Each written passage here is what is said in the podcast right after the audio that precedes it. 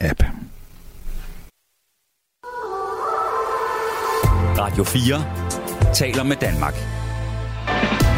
Velkommen til fredagsmissionen. Din vært er Anders Hagen. Og glædelig fredag til de små, de store, de rynkede og alle jer lige derimellem. Og særlig glædelig fredag til alle børnefamilierne. Dig, der er en af de krigere, der skal have styr på alle børnene her i weekenden. Fordi altså, det koger i Danmark. Ikke? Der er sol og sommer, og alle har lyst til at hoppe i havet eller i havnen. Men det er lidt svært, når man har familielinkerne på. Det er bare lidt svært. Selvom ungerne er dejlige, tro mig, jeg har to børn, de er dejlige, så er det bare lige især her i weekenderne, at det godt kan være lidt hårdt nogle gange, men måske nogle gange lige føler, ej, det kunne være lækkert, ikke lige at have børn. Jeg har et lille hack til dig. Et hack, jeg har fundet ud af efter små, ja, seks år med, med småfolk hjemme hos mig. Det er gået op for mig. Weekenden er meget fed, ikke? Altså, det er dejligt. Men hvis du skal ud og baske lidt med vingerne og smage lidt på nattelivet, gør det i hverdagen. Gør det i hverdagen. Det er altså meget, meget lettere at være træt og have, have tømmermænd på arbejde, end det er at have tømmermænd i weekenderne med børn. Det er, bare, det er bare et hack, hvis det ikke er gået op for dig. Gør det endelig. Spørgsmålet er, om, øh, om gæsterne her i fredagsmissionen i dag har det på samme måde. Det skal vi nok øh, prøve at finde ud af. For i dag, mine damer og herrer, der har vi altså fuldstændig formidabelt selskab. Lidt senere så skal vi drikke en øh, shus med en af de helt store skuespillerinder i øh, dansk teater, film og tv-branche. Øh, hun bliver meget typisk castet, måske fordi hun har en flot, dyb stemme, som sådan en rigtig skrab kvinde i de ting, hun laver. For dog fjerne den hund! Hvis ikke du kan afrette den, så afliv lortet! Ja, jeg har stået meget tidligt op i morges, fordi at øh, Benedikte Hansen kigger ind i studiet lidt senere i dag. Og jeg har fundet på de bedste spørgsmål, jeg overhovedet kender til hende, fordi wow, hun er en øh, stor kapacitet. Allerførst, så skal vi øh, hilse på en, øh, også en, altså en, en, en legendarisk personlighed i, i dansk showbiz, fordi en øh, decemberdag 1996, der gik hun fra det ene øjeblik bare at være Cecilie til at blive hele Danmarks Cecilie. Danmarks kids, da hun øh, de efterfølgende mange, mange øh, morgener sagde godmorgen til tusindvis af seere. Og det er jo lidt sjovt, fordi hun lød faktisk af præstationsangst, da hun var yngre. Og hun skulle bestemt ikke være journalist, fordi hun havde faktisk mødt en journalist, og journalisten havde fortalt, at den branche var fyldt med druk og stress og smøger. Men alligevel, så endte hun der. Og hvordan kan det egentlig være? Det skal vi finde ud af fordi hun endte nemlig som en af Danmarks mest fætterede tv-værter alligevel. Jeg har glædet mig helt sindssygt til at sidde i stolen her i fredagsmissionen i dag, og jeg har glædet mig til at skåle med dig, der sidder og lytter med den her fredag eftermiddag. Det er helt forrygende at kunne sige glædelig fredag. De næste to timer, så kan jeg kun love blod, sved og fri bar. Tak fordi du hører med. Det her det er fredagsmissionen, og jeg hedder Anders Hagen.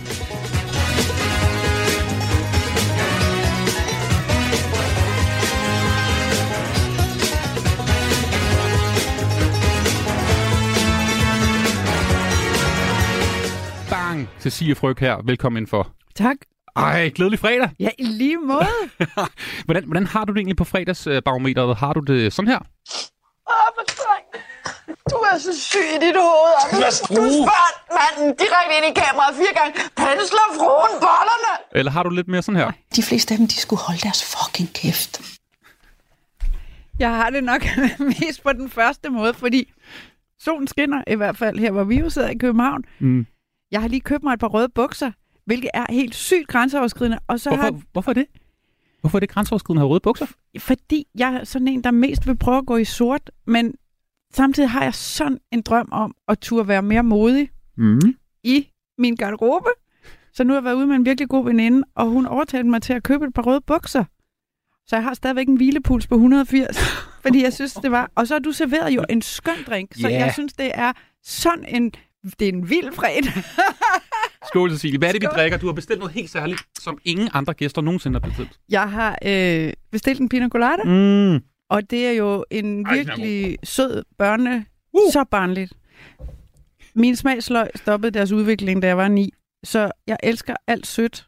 Og når jeg indtager ting, der er så sødt, så dem, der sidder ved siden af mig og spiser det samme, siger, ej, de får hovedpine af, hvor sødt det er, så har jeg det sådan, ah, du kan godt få den ikke mere. Giv mig noget med, at det skal også ice.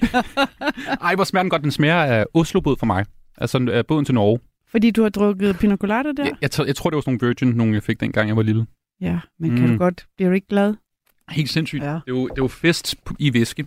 Øhm, Cecilie, jeg har jo også haft et ærefrygt, øh, ligesom Benedikte Hansen, der kigger ind på øh, senere her i, i studiet, så har jeg også haft ærefrygt over, at du skulle sidde her, fordi sikke en kapacitet. Altså, du har jo sort bælte i interviews Tak. og, og godt humør. Ja, måske. Eller ja, eller tak. De to ting, som programmet her ligesom øh, går ud på, kan man sige. Øh, jeg har læst mig frem til, at du har lavet mellem 10 og 12.000 interviews, og det er nok blevet flere siden da, tror jeg. Ja, der prøvede at regne ud, da jeg havde 25 års jubilæum på TV2, at der var jeg i hvert fald oppe på 10.000, Ja. ja. og det er jo et par år siden nu. Og du laver stadig interviews, ikke? Ja. Du er selvstændig nu, og Ja. vi kan opleve dig alle mulige forskellige steder, som foredragsholder og moderator, og så laver du også, har du lavet podcast i mange år, den slags. Jeg, jeg vil lige lave en lille test, fordi du har jo interviewet alle i hele verden, og det synes jeg jo er mega sejt. Og nu, nu skal du bare Ja, det er sige, jo løgn, ikke? Men lad os bare gå med den. det føles sådan. Du siger ja eller nej, når jeg siger et navn. Helle Virkner. Ja. Kronprins Frederik. Nej, What? nej. Okay, Men hans mor, det var nemlig næste. Dronning Margrethe har du interviewet. Okay. Ja. Hvordan var det? åh, oh, jeg var starstruck, faktisk. Altså, fordi jeg tror sjældent, jeg har opført mig så artigt, fordi man bliver så faktisk påvirket af, at gud, det er dronning Margrethe, og alt det, der sker, inden man skal møde hende, og folk på slottet, der fortæller en, hvordan man skal, og nikker og neje og bukke og sådan noget, så man er jo helt klamsvedende, når man så endelig når frem til seancen, ikke? Så jeg var faktisk starstruck. Havde du en fornemmelse af, at hun godt vidste, hvem du var? Hun har vel også set alle dine interviews i fjerneren? Det tror jeg ikke, hun har. Men jeg tror, at nogle af hendes folk har i hvert fald... Ej, jeg tænker, hun må jo have vidst, hvem jeg var. Hun havde i hvert fald godkendt, at det var mig, der skulle interviewe hende. Mm. Så Paul Køller. ja, ja, Ja. der var jeg starstruck. Igen? Det var meget tidligt i min karriere, og det er så vildt, fordi jeg har set ham i min barndom. Det var Kai og Andreas far. Så det var faktisk første gang. Jeg, der var, jeg var som sagt helt ny på morgen-tv, og han kom ind, og han havde fået en revival der, og var pludselig kæmpe stor, og var rundt på festivaler, og folk skreg, jeg er så glad for min cykel. Og så sad jeg over for Paul Køller, og det var så stort. Det var i 1996-97. Og det, det er bare et par sommer siden. Ja. Britney Spears. Ja, Der drak I ikke pina coladas. det var et meget frustrerende interview. Mm. Skal jeg sige noget om det? Ja, meget gerne. Okay, jeg skal gøre det kort. Det foregik i London. Det var i forbindelse med en ny plade. Jeg var på Godaften Danmark på det tidspunkt, og skulle over for at få et interview med hende. Øh, og det var, øh, for det første havde vi fået et tidspunkt, vi skulle være på det der hotel, og pludselig ringer de en time før og siger, vi skal være der nu, nu, nu. Så afsted med mig og min kollega, som jeg rejste med, og så kommer vi for blot, blot at blive sat til at vente i 100 år. Og andre journalister, som for, har fået foretrædet, for hun sad alene et sted, kom ud og var sådan, Christ, oh my god, Christ, som om der foregik vilde ting derinde, som ikke var behagelige. Og så kom man ind, de havde skulle se alle mine spørgsmål på forhånd, hendes crowd der, og vi havde fået at vide, hvis ikke du stiller spørgsmålene ordret, som vi har godkendt dem, og hvis du stiller opfølgende spørgsmål, så afbryder vi interviewet. Ved, du, Okay. ved du, hvad der vil ske så? Altså, havde hun så knipset, og så var der kommet to Nej, så- bodyguards? Det er jo hendes folk. Hun gør jo ikke noget, men så, der, så de stod i mørket rundt, der var sådan en kødrand af mennesker rundt om os, og så min kollega stod der også, og han kunne se, at de stod simpelthen med fingeren på papiret, Ej. og fulgte med præcis, om ordlyden var rigtig. Og jeg var så frustreret, fordi det er jo ikke sådan, man kan få kontakt med andre mennesker. Og jeg synes ærligt talt, vi havde fået sådan en dårlig behandling, og det er jo kun fordi, jeg, var, jeg er sikker på, at dem, der hele tiden interviewer store verdensstjerner på udebane, de ved, det er den behandling, man får, når man bare er en journalist i rækken. Men jeg var ærligt talt, undskyld mig, hvad er, hvordan er det, I behandler de journalister, der sådan set skal gøre reklame for hendes? Du ved, jeg var bare, Og hvordan gik det så? ja, hvordan gik det? Hvad Altså, spurgte du om? Jamen, så prøvede jeg at spørge hende om sådan noget, du ved, hvad det ved, hvad, hvad, hvis du havde vidst det, du ved i dag, da du var yngre, hvad ville du så have sagt til dig selv? Og, at det var så ufarligt, det man må spørge hende om, og mm. det, de havde godkendt. Og så spurgte jeg som sådan noget, hvad er vigtigt for dig at have med, når du er på turné og meget væk hjemmefra? Sådan. Altså, det var sådan noget. Jeg var ikke så stolt, og jeg var rasende. Jeg kunne finde interviewet på nettet, så det kan du måske være glad for, hvis du ikke hvis du fortryder det lidt, eller ikke Det- har det så godt med det. Du behøver ikke at se det, Anders. Bjarne Ries. Ja. Ja. Apropos lidt svære interviewoffer. Ja. Men, men det gik godt, ikke, da du snakkede Jo. med ham? Jo, og det var faktisk øh, en sådan en special, hvor vi havde god tid. Jeg tror, det var en halv time. Det var sådan en god aften special. Og det er jo, tid er dejligt, og ro er dejligt. Og, øh, og han ville gerne være med, og vi havde talt sammen på forhånd, hvilket også gør en forskel tit, at man ligesom er enige om, hvad er det, vi skal, og sådan noget. Så Mm. det var en virkelig god oplevelse. God tid med Bjarne. Ja. Vi tager lige den aller sidste. Mads Mikkelsen, har du snakket med Mads Mikkelsen interviewet om? Ja, men ved du hvad, det er i 1998. Så, så Det er par... det er sket en gang. Ja, det var sådan lige rejseholdet, måske lige der omkring. Jeg Ish. tror, det var øh, nogle af de der øh, Adams, nej, hvad hed de? Blinkende, blinkende lygter, ish, Ja. ja. tilbage i det der. Mm-hmm. Cecilie Frøkær, har du ikke nogensinde mødt øh, Cecilie Frøkær? Altså, hvad betyder det? Jamen, øh, hende her. Og herover er en, den meget kælende Cecilie Frøkær. Den lille her, det er Kim Bilsø. Nej, undskyld, det er Ulla Terkelsen, vi har der. De sødeste, det er jo øh, hende lille Cecilie her. Det lyder creepy, det her. What? Hvad er det? Det er en landmand, der har opkaldt sin får efter studieværter. Og den mest kælende er hun bare Cecilie Frøkær. Det er et øh, interview på TV2 Vest Jylland. TV2 Vestjylland. tror jeg, det hedder. Er det ikke weird, at du har et lam, eller en lam, der Jo. render rundt, der hedder Cecilie Frøkær? Gud, jeg er da meget beæret. Ja, Og måske er det faktisk på det, der hedder TV MidtVest. Ja, hvor jeg MidtVest var i, det, selvfølgelig. Der var jeg jo i praktik Ja. ja. i halvandet år. Ja. Så der er masser af mennesker med dyr. Er der, er, altså, er der mange, der stadig sådan, skriver til dig med mystiske ting og sager, sådan noget, som eksempelvis, jeg har et lam opkaldt efter dig, eller vil du komme og vil du sende en hilsen til min konfirmation, eller Jeg, ja, det der med konfirmationer og fødselsdage og sådan noget, det får, det får jeg indimellem. Hvad siger du så? Så siger jeg som regel ja. Okay. Det er Mm. fordi, at jeg tænker, at jeg selv ville blive så glad, hvis det var mig, der skulle have en hilsen til en, jeg kendte. Kører du så sådan en, altså sådan en, har du den, den klassiske, ligesom, har du tænkt over noget på forhold? Går du til personlige hilserne, eller laver du sådan en, du ved, Jeg- ej, kære Magnus, tillykke med din fødselsdag. Det er mig, der er Cecilie Frøk her. Eller sådan, jeg, jeg tror bare, jeg siger navnet selvfølgelig, det er jo det. Det er jo ikke samlebånd, vel? Så man siger navnet på den, og så tillykke, og så et eller andet. Jeg håber, du bruger alle dine konfirmationspenge rigtig ufornuftigt, eller have det sjovt, eller et eller andet. et eller andet den dur. Hey, øh, du startede som sagt på, øh, på Godmorgen, da du var 27 år gammel. Altså, du var jo en Mhm. ung borhar på det tidspunkt, hvor man nok går meget i byen og hygger sig den slags. Hvad gjorde du? Fordi det her program handler jo meget om at tage, ligesom, smage på livet. Hvad gjorde, kunne, du, kunne du godt tage i byen og drikke dig fuld, når du skulle op klokken 4 om morgenen? Nej, er du sindssyg, Anders? Altså, jeg var jo... Hele det første år var der jo kun et værtspar. Det var Michael Meyerheim og mig. Så når jeg nåede til fredag, så var jeg altså så udkogt, så jeg nogle gange har præsteret at lægge mig ned for at sove til middag, og så er jeg vågnet seks timer senere. Altså, og så var det fredag aften, og så kan det da godt være, at jeg prøvede at gå ud, men det var jo en vild tid. Det må da have været helt sindssygt. Altså, på det tidspunkt, der sindssygt. var der, altså, Flow-fjernsyn var det største. Altså, Ja.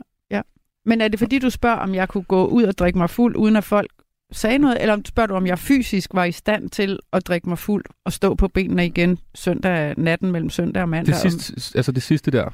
Ja, men prøv at høre, når man er 27 eller 28, som jeg også var lige der i starten, øh, man kan jo holde til hvad som helst. Man kan jo holde til hvad som helst.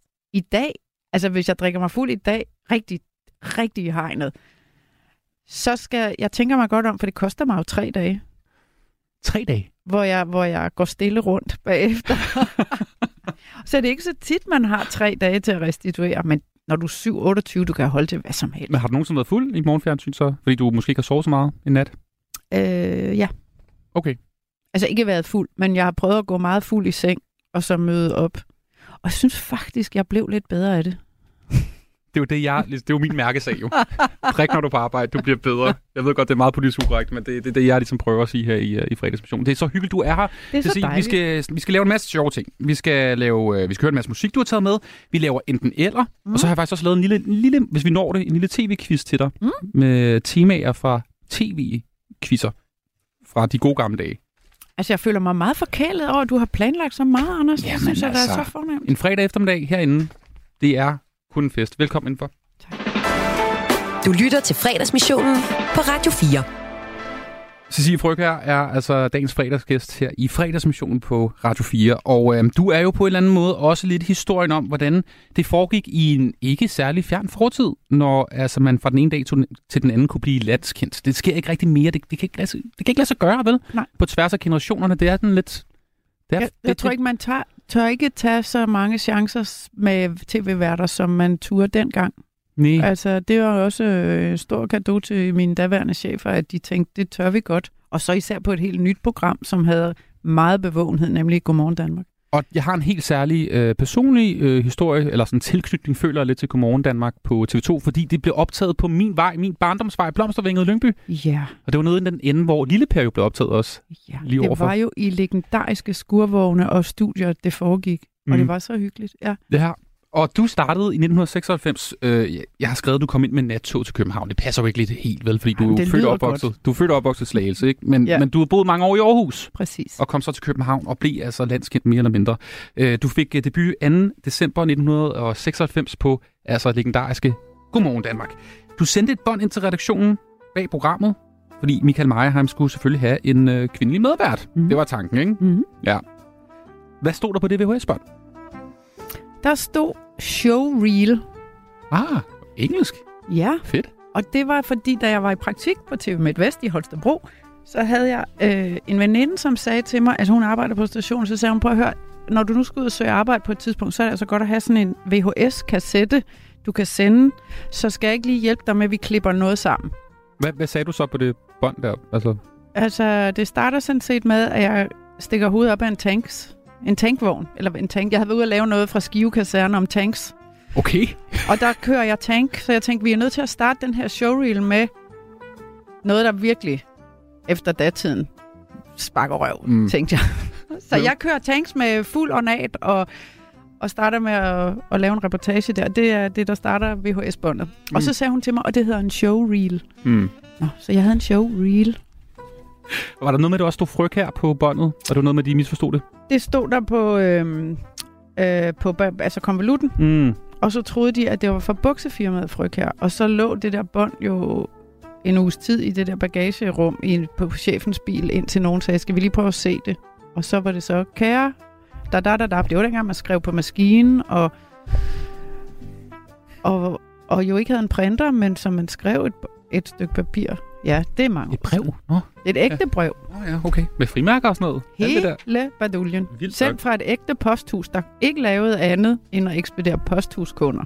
Mm, ja. What? Det var ikke det, var ikke, det, var ikke, tusind, du. det var ikke noget i en eller anden øh, kiosk, Mm, det var ikke et hjørne i en eller anden øh, dagligvarerbutik. Nej, hvor man står og læner sig op af sådan en... Øh, det var folk i uniformer, der hvor frimærker. vildt, mand. Det var dengang, der var frimærker.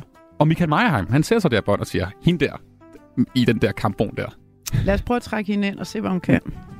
Og, og han var sådan, wow, hun er naturlig, hun er for fed, hende der. Lad os klippe hendes hår, give hende noget brunt tøj på, og gøre hende 30 år ældre. Ja, præcis. Prøv lige, prøv lige at fortælle, hvad du ser ud der i december 96. Ja, altså, jeg havde øh, fået det, som øh, hed bundspænd. Hvad betyder det? Ved du, hvad bundspænd er, Anders? Nej, overhovedet men bund, jeg var korthåret og hænderfarvet, altså mørkebrun rød, ikke også? Mm. Og så øh, laver man det, som er sådan meget damet fra 60'erne, du ved, hvor man bobber det op, så det fylder noget fra midterskilningen og rundt om midterskilningen ned mod ørerne. Hvor, hvorfor? Det var der nogen, der synes var flot til mig. Mm. Og jeg havde ikke rigtig overskud til at forholde mig til det, fordi der var så meget andet, jeg skulle lære på det tidspunkt. Og så havde jeg en dejlig spacerdragt på. Todelt i orange. Noget tyk tweed. ja, sådan så jeg ud. Og det, og det var fordi Michael Meyerheim var 20 år ældre end mig, så det var vigtigt både, at vi skulle matche lidt aldersmæssigt, men også fordi jeg skulle... Jeg var jo ikke engang uddannet, jeg var i gang med min hovedopgave på journalisterskolen, så det var vigtigt, at jeg øh, signalerede, tror jeg, en vis journalistisk tyngde Mm. som jeg jo ikke havde, men så kunne man jo altid give mig noget bundspænd. Bundspænd. Det er godt sted ord. at starte, ikke? Ja, det må man nok sige. Øh, på det tidspunkt så er du faktisk, du er ikke helt pjattet med det der med at præstere. Øh, jeg har hørt dig fortælle om, at du faktisk havde sådan angst for at lave sådan nogle nyhedsindslag, da du var i praktik Ja, ja. på TV2 Midt- MidtVest der. Ja. Øh, hvordan havde du det så, når du lige pludselig stod der live i, øh, på Blomstervinget til i Morgen Danmark studiet? Altså, der, det er faktisk første gang, jeg har oplevet, at jeg ikke var bange. Mm. Jeg var nervøs, men på en, kun på den gode måde. Jeg var simpelthen ikke øh, præstationsangst på den der helt skrækkelige måde, der havde stjålet min nattesøvn tidligere i, i mit liv. Så det var et godt sted for mig at være. Og heller ikke, når du eksempelvis fik besøg af sådan nogle gutter her. I dag kommer vi ind til dig og er søde og flink. Sidste gang, der kan vi da en hest, det gør vi ikke i dag. Mm. I dag siger vi bare, kommer vi faktisk med en rar kimono. Mm. Ja, som du nægter at tage på. Men Ja, ja, altså, det er så gengæld nu, ikke? Du har jo altså lært af Frans, at du skal give gengæld, mm. umiddelbart, ikke? Men synes I nogle gange selv, det bliver for flippet, det I laver? Ja. Ja, det var selvfølgelig tæskeholdet Det Kasper Christensen, der kaldte dig en hest. Ja. Det, det, var en anden tid. Ja, og det var et billede, der havde været faktisk i forbindelse med øh, premieren på Morgen TV. Der var en masse øh, pressefotografer til stede efter den første udsendelse, og der var et af dem, hvor jeg griner stort på, og så er det taget fra, altså jeg har også ret store fortænder, og så var det ydermere taget fra en vinkel, så de synes, jeg lignede hesten Tarok. Og det har de så gjort sig lystige over i, øh, i, i radioen. Og så en af mine kolleger hørte det, fordi vi sad jo ude på redaktionen, så sagde hun, de gør grin med dig. Og så sagde hun det, der var rigtig godt sagt. Ring dog derind. Mm. Så tænker jeg, ja for helvede, vi ringer da derind. Der er ikke, altså, vi kan lige så godt deltage i løjerne. Så jeg ringede ind og kom selvfølgelig igennem. Var du med i tæskeholdet? Ja. Okay. Og sagde, det, øh, jeg har et frisk rent til jer her.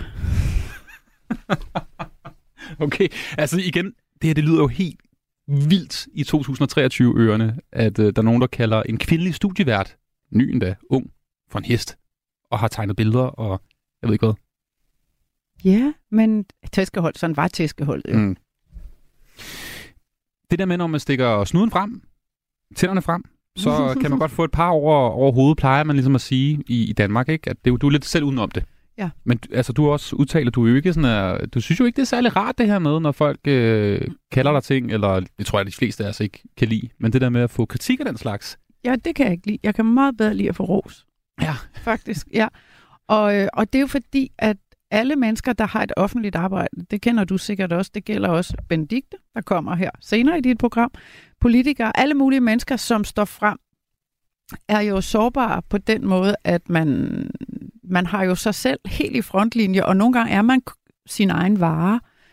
Så øh, det handler jo både om, om folk kan lide en i det job, man har, eller kan de lide den politik, du gerne vil sælge, eller det budskab, du har, eller et eller andet. Og der tænker jeg, der, jeg er, der er sikkert mange, der er meget mere hårdhudet, end jeg er. Men jeg bliver virkelig ked af det. Mm. Øh, så er der selvfølgelig kritik, man har fået gennem tiden, hvor man også godt kan mærke, åh, oh, det gør også ondt, fordi de har ret. De rammer faktisk noget, hvor man tænker, det er værd at tænke over. Øh, så noget kritik er jo også konstruktiv, selvom det gør ondt. Men der er jo også noget, hvor man ja, faktisk bare bliver ked af det. Var det noget med også, at der bare i en årrække der, da du lavede det sammen med, øh, med Michael Meyerheim, som var din første, ligesom uh, Kammerchuk. Du har flere mandlige medværter sidenhen. Mhm. Også flere legendariske, må man sige. Men var det noget med, at der var mange politikere, især mandlige politikere, der helst ville interviewe ham, i stedet Ja. for dig? Ja, og det var jo fordi, at han var den erfarne, han var den kendte, han var en mand på alder med dem selv, tit ofte. Havde jakkesæt på? Ja, også det. Så jeg, jeg havde en oplevelse af, at de kiggede på mig, og så tænkte de, okay, der er en her, hun, de har hældt hende i noget tøj og givet hende læbestift på, men hvad kan hun egentlig? Og ja, det var tydeligt, at der var en skuffelse at spore hos dem, når de, øh, når de skulle interviewe sig mig og ham. Jeg har også oplevet at blive skældt ud af nogle mandlige politikere bagefter. Ah, hvorfor? Jamen, fordi jeg ikke gav dem taletid nok, eller altså, du ved, øh, der var også en, der under et interview sagde til mig, jamen, det må være din øh, ungdom. Din uvidenhed må skyldes din ungdom. Og, så, og som jeg var så rasende over. Undskyld mig. Jeg er faktisk uddannet journalist, og jeg gør mit bedste. Hold din kæft. Heldigvis var der ikke Facebook og diverse sociale Nej. medier dengang, Nej. hvor både politikere og alle mulige folk kunne, kunne have svinet dig til. Jeg ved, du ikke har nogen Facebook-profil, jo. Ja. Du er på Instagram. Hallo? Ja. Du, er der, du er der med. Ja, ja. Øhm, men jeg var lige inde og kigge efter dig på Facebook, og der er faktisk øh, der er noget Cecilie Fryg her derinde. Der er nemlig en gruppe, der hedder Cecilie Fryg her. Du er da en sviske. Hvor mange tror du øh, er med i den gruppe på Facebook? Det ved jeg ikke. En sviske? Altså, min mor og far måske. 4.150. Nå, hold da Det synes jeg alligevel er sådan en god... Altså, det er jo nærmest en håndboldhal. Hvad foregår der derinde? Jamen, der er nogle billeder af dig og sådan noget. Øh, ja. Nå, Altså, meget lydigt. Okay. Også med det orange øh, Ja. ja, sparkedragt, eller hvad det var. premiere-dresset. ja. Hvad, hvad, hvad tror du egentlig, hvis nu du var bl- startet på Godmorgen Danmark i dag, og ligesom blevet så stor, øhm, hvordan vil du så have det med den, altså det, der foregår nu på, på de sociale medier? Vil du så, tror du så, du kunne have overlevet, som du har gjort i så mange år, som en, der står i frontlinjen? Øh, jamen, jeg ville jo have holdt mig fra det så. Altså, det, det er jo faktisk det, jeg har gjort ved ikke at være på Facebook. Og jeg synes jo, og jeg er på Instagram, fordi jeg kun oplever, at tonen er pæn derinde, og venlig, og altså næstekærlig faktisk, ikke? Men øh, jeg ville helt sikkert øh, have lukket ned for alting, fordi jeg, jeg bliver virkelig ked af det. Mm. Og det synes jeg ikke, der er nogen grund til, at man skal forurene sig med. Stadigvæk også, når Ja, ja. du læser noget kritisk om dig? Ja, ja. Ja. Ja, ja, ja. Jeg er slet ikke god til det. Lad venligst være. Du lytter til fredagsmissionen på Radio 4. Og nu fire numre, som du har taget med, Cecilie Fryg, her i øh, dagens udgave af fredagsmissionen. Vi skal tilbage til øh, teenageværelset i Slagelse. Mm-hmm. Du har nemlig taget et nummer med, som på en eller anden måde minder dig om at være teenager.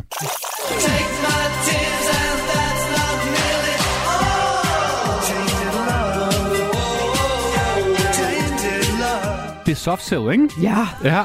Jeg kan allerede mærke, jeg kan mærke det på dig. Jamen, prøv at høre. Man får jo simpelthen bare lyst til at... Ej. Hvordan var du som teenager?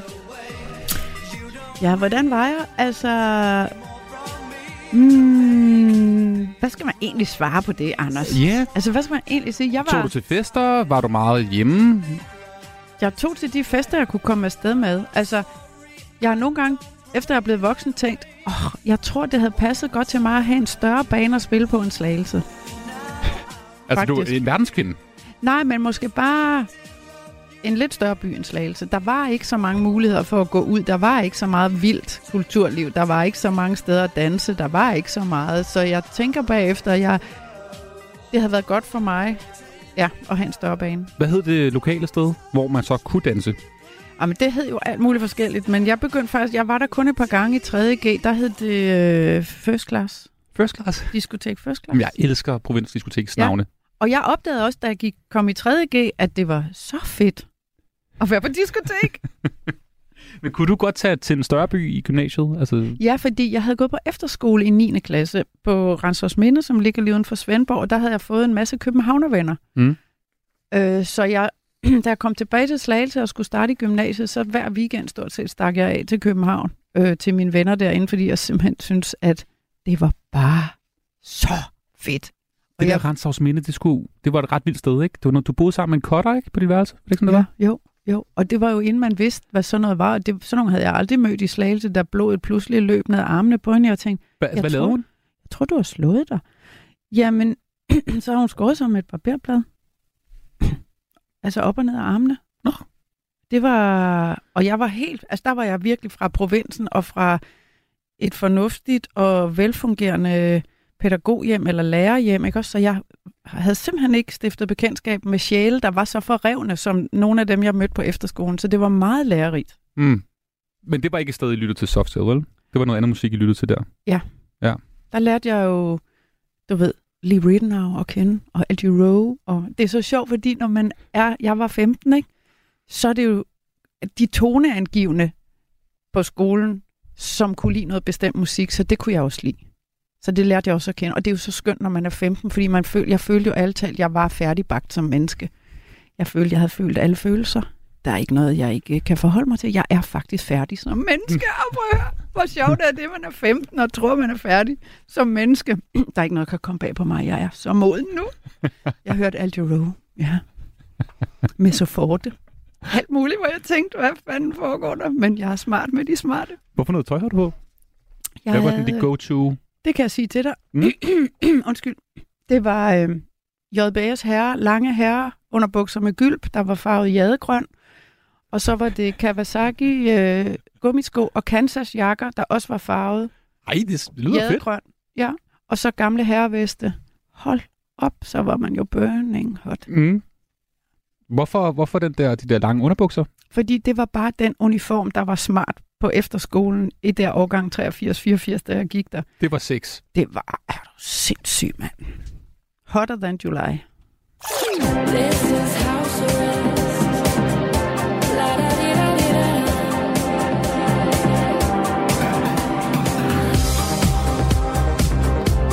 Okay, hvad sker der her? Nu er vi på klub. Nu er vi på klub. Nu er vi House Arrest Ja. med Sophie Tucker, som er et relativt nyt nummer, jeg har opdaget. Som, jeg, som er så fedt, og som jeg tænker, man får lyst, jeg får lyst til at danse i hvert fald, når jeg hører det. Direkte ud på floor. Monster floor. Hvornår har du sidst været på, på floor ude at danse? Åh oh, ja. Det, det er måske altså nogle år siden faktisk, fordi jeg synes, jeg danser bedst, når jeg er virkelig fuld. Modsat alle andre. ja. Ja, okay. Så det er ikke noget, du gør rigtigt lige og fredag aften, Nej. du ud danse? Nej, nej, det gør jeg faktisk ikke. Men så sidder jeg derhjemme sammen med min kæreste og hører det der nummer, for eksempel. Mm. Så synes vi alligevel også, at vi er noget, vi er lille. Og danser sammen måske også der? Nej, det er vi ikke nået til. Okay. Vi lytter intenst. Det lyder, det lyder meget intenst. hvad, hvad, så, hvad, hvad plejer I så at hælde op i glasene, når I lytter til Sophie Tucker? Vin. Vin? Mm. Jamen altså, det lyder jo som en god aften jo. Det er en, det er en lang stribe af vidunderlige aftener. Fra, fra Floor, så skal vi til et nummer i, i en helt anden boldgade, fordi jeg har spurgt dig efter et nummer, som på en eller anden måde rører dig, ikke? Og det er jo også et svært spørgsmål. Men du har taget et nummer med fra Thin Lizzy. Ja.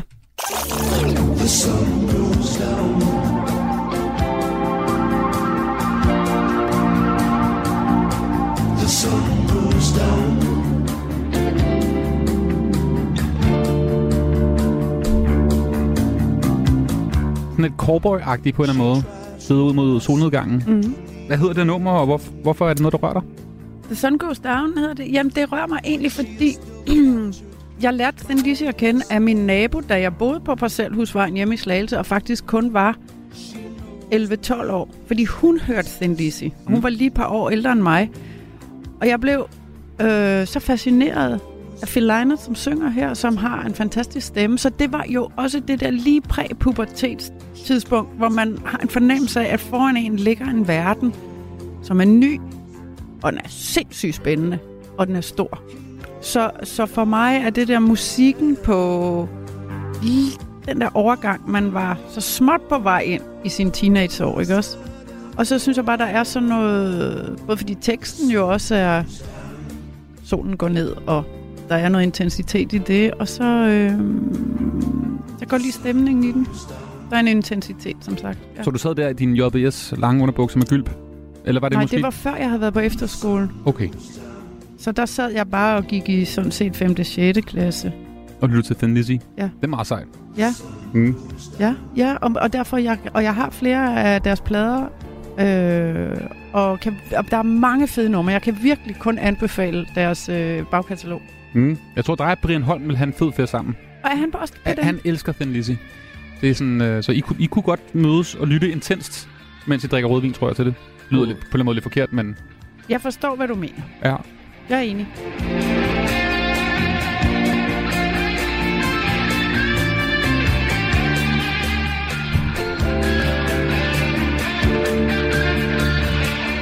Og fra The Sun Goes Down med Thin Lizzy, et nummer, som altid rører dig, Cecilie Fryg her. Så skal vi til et nummer, som folk måske ikke lige ved, er noget, du godt kan finde på at sætte på, når du øh, måske sidder i bilen, eller du er på cyklen, eller måske bare er derhjemme. Mm. Måske ikke sammen med din kæreste, måske bare helt alene mm. øh, med dine høretelefoner. Det her, det er øh, Justin Bieber. We could be starving, we could be homeless, we could be broke. As long as you love me, I'll be your platinum, I'll be your silver, I'll be your gold. As long as you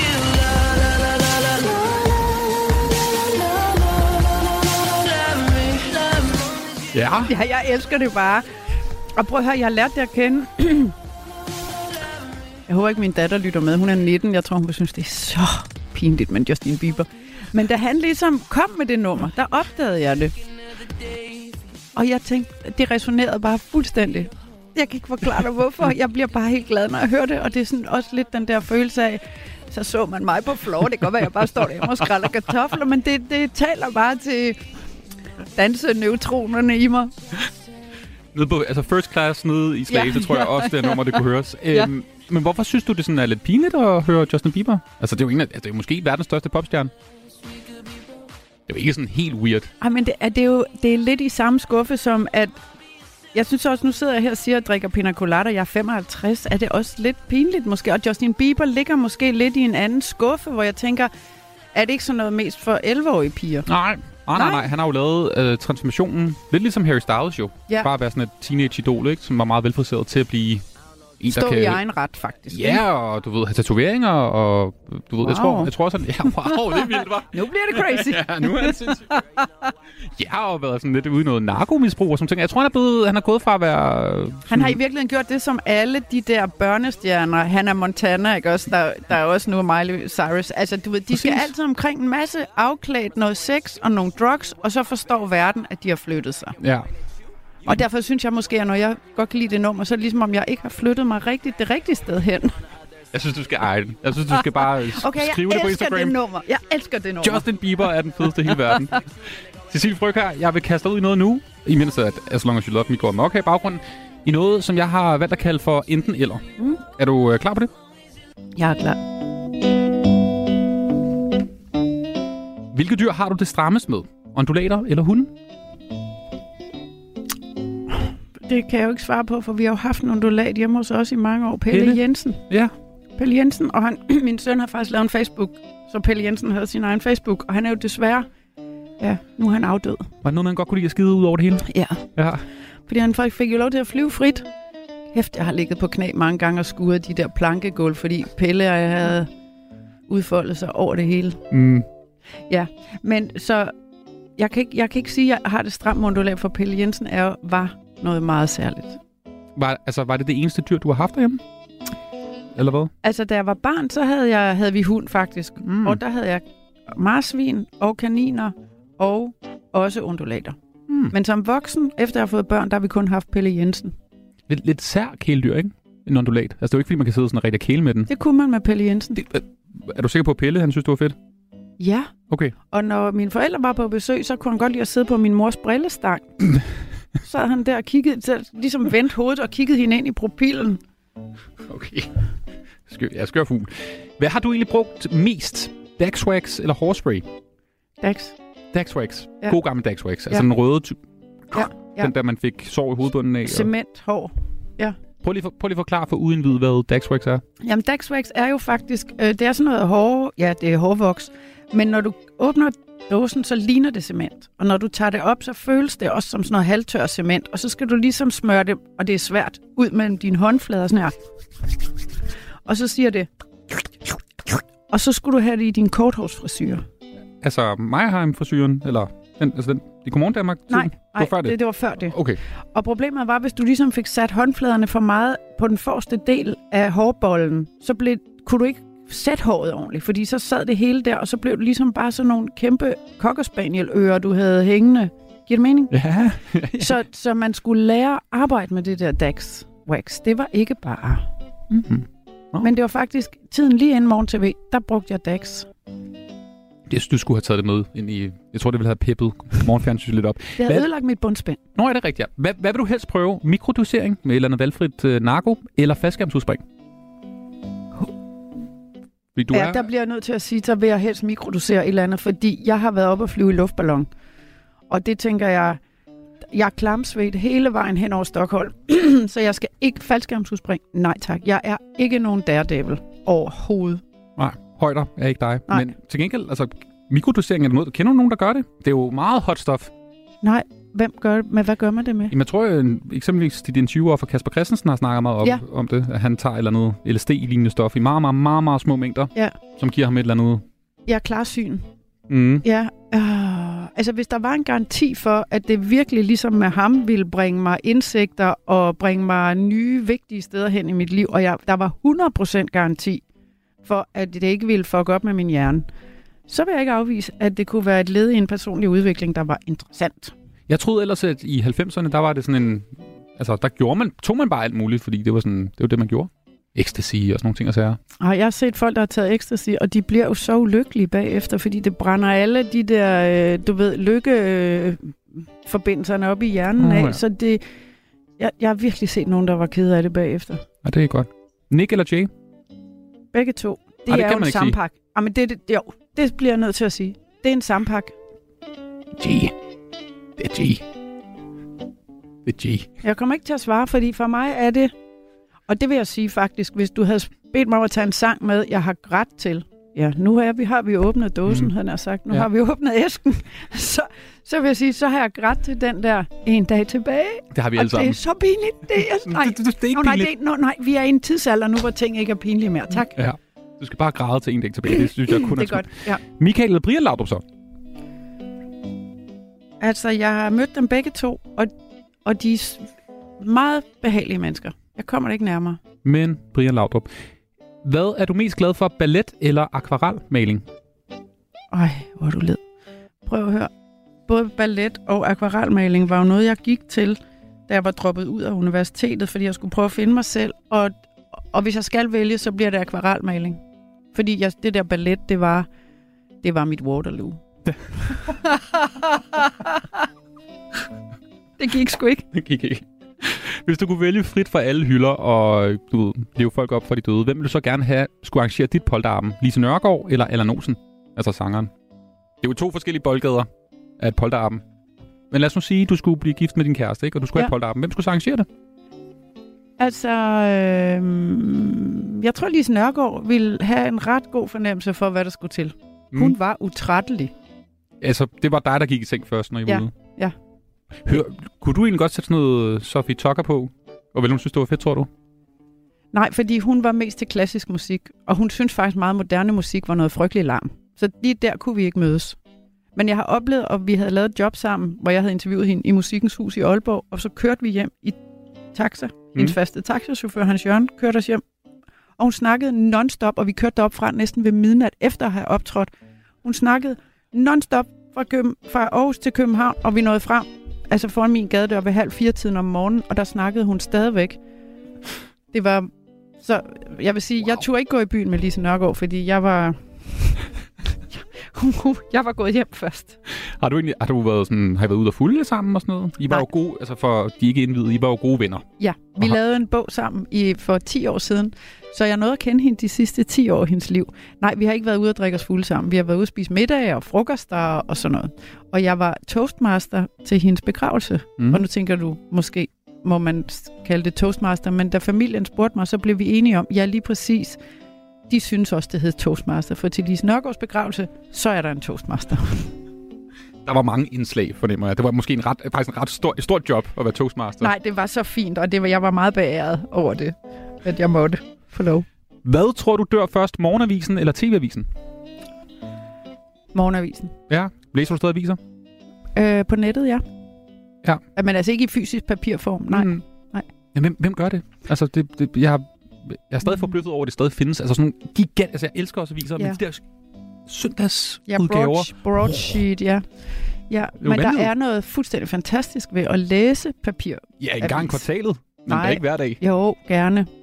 Men altså, hvad var spørgsmålet? Det var bare, hvad der, altså, hvad der var ja, først. det tror jeg, papiravisen gør. Hvor, meget, hvor ofte ser du nyhedsudsendelser? Fordi jeg, det, jeg er også nogle gange lidt i chok over, faktisk hvor sjældent jeg tænder klokken Ja, men det, men, 19.30, eller... men jeg, jeg, jeg, jeg følger også nyhedsstrømmen på min telefon, eller tænder for news, som jo kører hele tiden og er opdateret hele tiden. Det, og det, på den måde er vi jo ved at blive vendet fra det der med, at vi sætter os ned og ser nyheder, når fjernsynet bestemmer, at vi skal se nyheder. Og der er jo ikke, som der var engang, hvor man samler til bunke, og så siger man klokken 19 eller 20 eller 20.30, nu skal I se, hvad det vigtigste i det her døgn er, fordi det, det er jo kørt. Ja. ja. Hvilken fest vil du helst tilbage til, hvis du kunne selv bestemme? Den der bikerfest, du var til, eller din studenterfest? Hvad var det for en bikerfest? Jeg har hørt, at du har været til en bikerfest, hvor, at der, øhm, hvor Ja. du havde noget lidt læder på, og der, var lidt, der skete nogle vilde ting. Ja, de uh, spiste koøjne. Ja. Øh, hmm. Ej, så vil jeg nok trods alt tilbage til min egen studenterfest. Hmm. Tænker jeg. Vild med dans, eller stille op i Folketinget? Altså til folketingsvalg. Hvad er mest sandsynligt, Cecilie Frøkær kaster sig ud i? Ja, det ville være vildt med dans. Nå, okay. Du er jo blevet spurgt en milliard gange, ikke? Jo, Men du har altid sagt nej. ja. Hvorfor egentlig? Ja, der, der er jo masser af penge i det, er det ikke? Man får man jo kassen. Jeg har for- lavet mig fortælle, at der er folk forhandler individuelt, så nogen får kassen, og andre får ikke så meget kassen. Jeg ved det faktisk ikke. Jeg ved ikke, hvad, hvad man får for det, men jeg har altid takket pænt nej, fordi jeg ville faktisk hellere være sammen med mine børn. Øh, og det, ja, ja. Men jeg ved det godt, men det er fordi, det har jo taget om sig. Mm. De træner jo helt sindssygt i timevis hver eneste dag. Det er jo et job nu. Og i dag, jeg synes, jeg havde arbejdet nok. Men du har aldrig rigtig sagt ja til sådan nogle ting der, vel? Sådan nogle reality-koncepter, sådan noget med at sejle over Atlanten, eller bestige eller andet bjerg i Himalaya, eller sådan Nej, noget. jeg har engang sagt ja til at være med i Vild med Comedy, hvor jeg skulle stille mig op på scenen inde på Comedy Zoo, mm. som er en, jo en comedy club her i København, og levere et sæt. Altså, jeg skulle være stand-upper. Ja. Hold op, det var grænseoverskridende. Altså ægte, ægte, ægte, helt sindssygt grænseoverskridende. Men sjovt jo bagefter, ikke undervejs. Hvad er det mærkeligste, du er blevet spurgt om? Altså, om du har lyst til at være med i? Øh, hmm, øh, pas. Det kan jeg simpelthen ikke huske. Mm. Øh, Er du egentlig nogensinde blevet spurgt om at, at komme med et politisk parti? Ja. Hvilket et? Nej. tænker så meget om. Ja, skal jeg lige tænke mig om. Var det Moderaterne? Ej, for det ligger meget langt. Jo, nu ved jeg, hvad det mærkeligste var, jeg er blevet spurgt om. Det var, om jeg ville være med i en pigepopgruppe. og så sagde jeg til den manager, der henvendte sig, så sagde jeg, "Jamen, prøv at høre, jeg kan overhovedet ikke synge.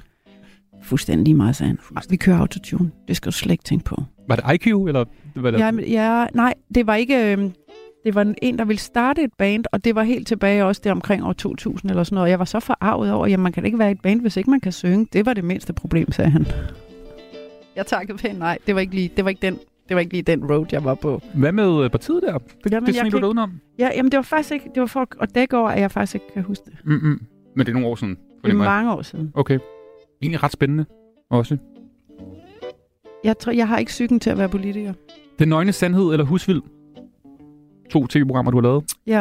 Øh, Hvad er bedst? Jeg vil sige, jeg var... Ja, bum... Ej, jeg synes, det er nogle svære spørgsmål, du stiller. Mm. For det var ene var jo et boligprogram, der var ligesom optaget helt øh, stille og roligt og klippet, og det andet var brølende live fredag aften. Jeg vil nok sige, det var bedst for nerverne at lave Husvild, Mm. som var et boligprogram. Den nøgne sandhed lå over for et... Var det ikke X-Factor? Jo, jo, jo, jo. Og der synes TV2 så, at jeg skulle ligge over hos dem. Det var dengang X-Factor lå på DR, og jeg var, altså... Jeg var så uenig i den beslutning, for jeg blev jo slagtet fuldstændig. Altså, øh, Alle. Ja. TV-anmelderne og seerne, og det var redselsfuldt. Altså det er måske... Der, der, jeg havde det så ringe i, i den periode der. Jeg var så ked af det. Vi fik så mange tæsk. men var det ikke bare et job? Altså, kan det ikke være lige meget? Det føltes ikke som... Det var ikke bare et job. Nej. Fordi det handlede om, at jeg var dårlig, synes folk, og det var ikke, og, og de havde været vant til at se mig på morgen-tv, og nu sad jeg der fredag aften i, og, var- og var en anden og i en anden setting. Øh, og, men man lærer jo noget af at få s- nogle tæsk, ikke? Altså, og man lærer jo først og fremmest, at det er virkelig ubehageligt, øh, mens det står på, men man overlever jo.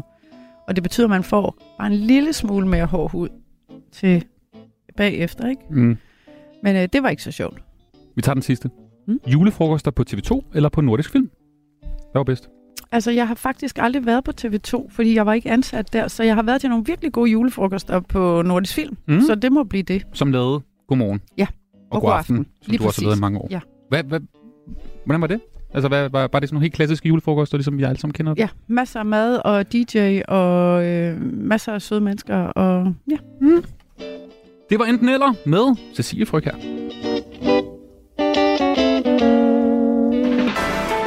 Du lytter til fredagsmissionen på Radio 4. Cecilie Fryg her er i studiet, og ved du hvad, Cecilie, jeg har fundet nogle, øh, altså synes jeg i hvert fald, ikoniske temaer fra tv-programmer, mm. quizzer, fredagsunderholdning, som på en eller anden måde indkapsler den tid øh, i 90'erne og 0'erne, øh, hvor du også var en del af den, øh, kan man sige, øh, branche. Ikke? Og du skal nu gætte, hvor de stammer fra, de her forskellige øh, Ja. temaer. Yes. Bare lige for at se, om du stadig kan huske dem. Yes. Er du klar? Yes. Friends together through whatever, stick together now or never. Feel me, get it, ain't no limit. Altså det her, det var jo fredag aften for mig, da jeg var hmm, 10, 11, 12 år. På tv. Ja, på din kanal. You and me. Det er Cindy.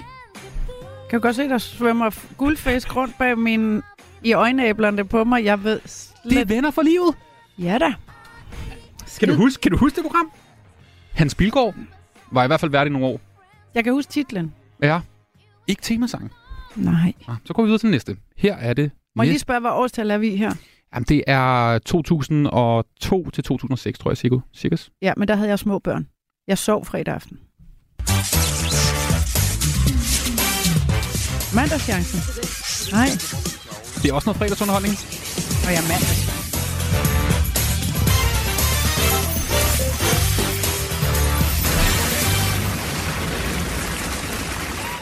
Ikke med kendte mennesker, men med... Der var en, øh, to forskellige danskere, der ligesom havde taget nogle mennesker med. De blev stillet nogle spørgsmål, og til sidst så stod de på sådan en elevatoragtig ting, der gik op uh, for hver rigtigt spørgsmål, de kunne svare på. Mm. Det er en sjov tanke. Den store klassefest! Mm-hmm.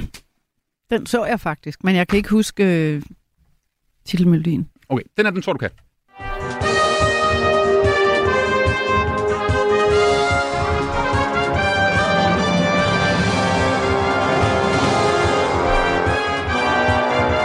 Nej. Jeg synes, det er en vemmelig konkurrence. den her. Hvad er det? Dollars, Dallas? Nej, det er et, øh, Det er et TV2-program. det er et TV2-program, som der er blevet købt i udlandet, tror jeg, som der er kørt i 1 milliard. Miami Vice. Nej, ikke- nej, nej. Det er et quizprogram. Der er 20, 20 spørgsmål. 10 spørgsmål. Jeg kan ikke engang huske det. 10 spørgsmål må det være. Hvor man vinder et beløb, som også er titlen på programmet. Ah, Anders kan jo godt se, det, er den, det, det går ikke. Hvad, sig det til mig. Hvem vil være millionær? Ja. Interessant. Har du nogensinde været med? Det har du da også været med i. Ja. Ja. Flere gange. Vi tager den sidste.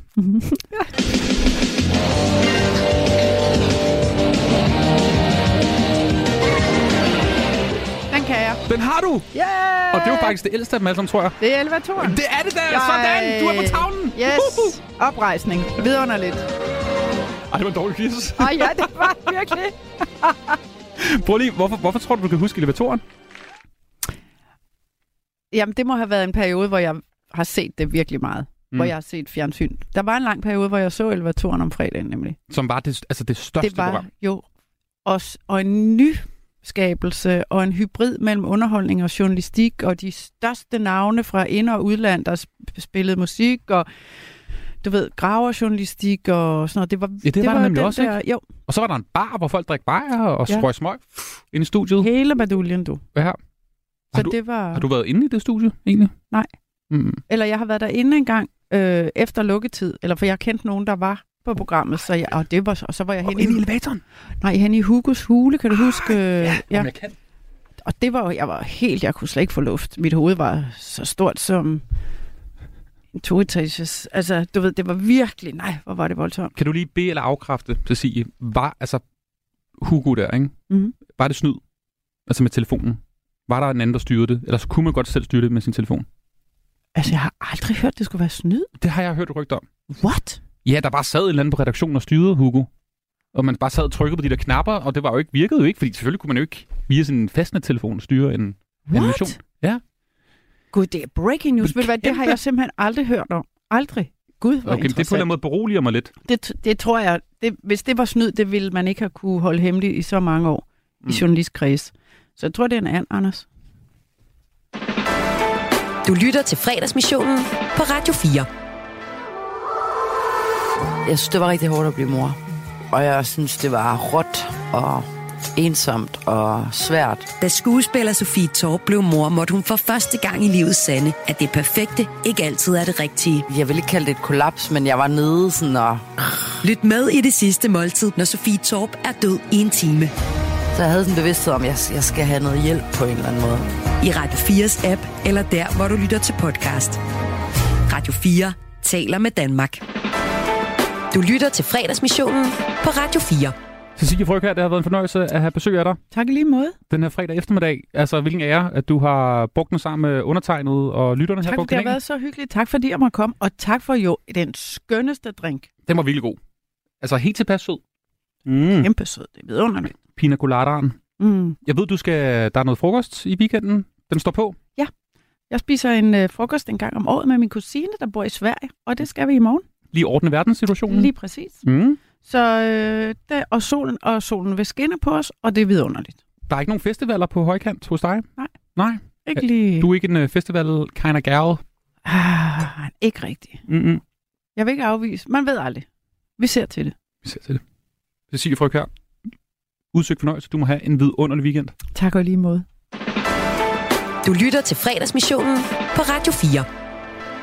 Og husk nu også, altså sådan nogle numre der, som du føler er lidt pinlige, det er helt okay at lytte til Justin Bieber. Og øh, det, det er det altså at sige. Jeg vil bare lige sige, det lige på vej ud, ikke? Det er helt okay at høre Justin Bieber. Du skal ikke Okay, skamme dig over dig. Skam Nej. findes ikke mere. Det er godt. Om det glæder mig virkelig. Mm. Justin Forever. Justin Bieber. Lige om et øjeblik, så får vi besøg af endnu en uh, strong woman her i studiet. Det er simpelthen en kæmpe fornøjelse at have besøg af kvinder her i, i fredagsmissionen. Uh, lige om et øjeblik, så får vi en besøg af en uh, skuespillerinde, som ja, indrømmet, jeg har været en lille smule på forhånd. Altså, uh, det diger lidt i kroppen, fordi hun er en, en barsk uh, dame, må man sige. I hvert fald i de mange øh, forskellige roller, hun har spillet i. Der er hun altså en, der godt kan bide fra sig. Øhm, Så der er jo fjernet den hund.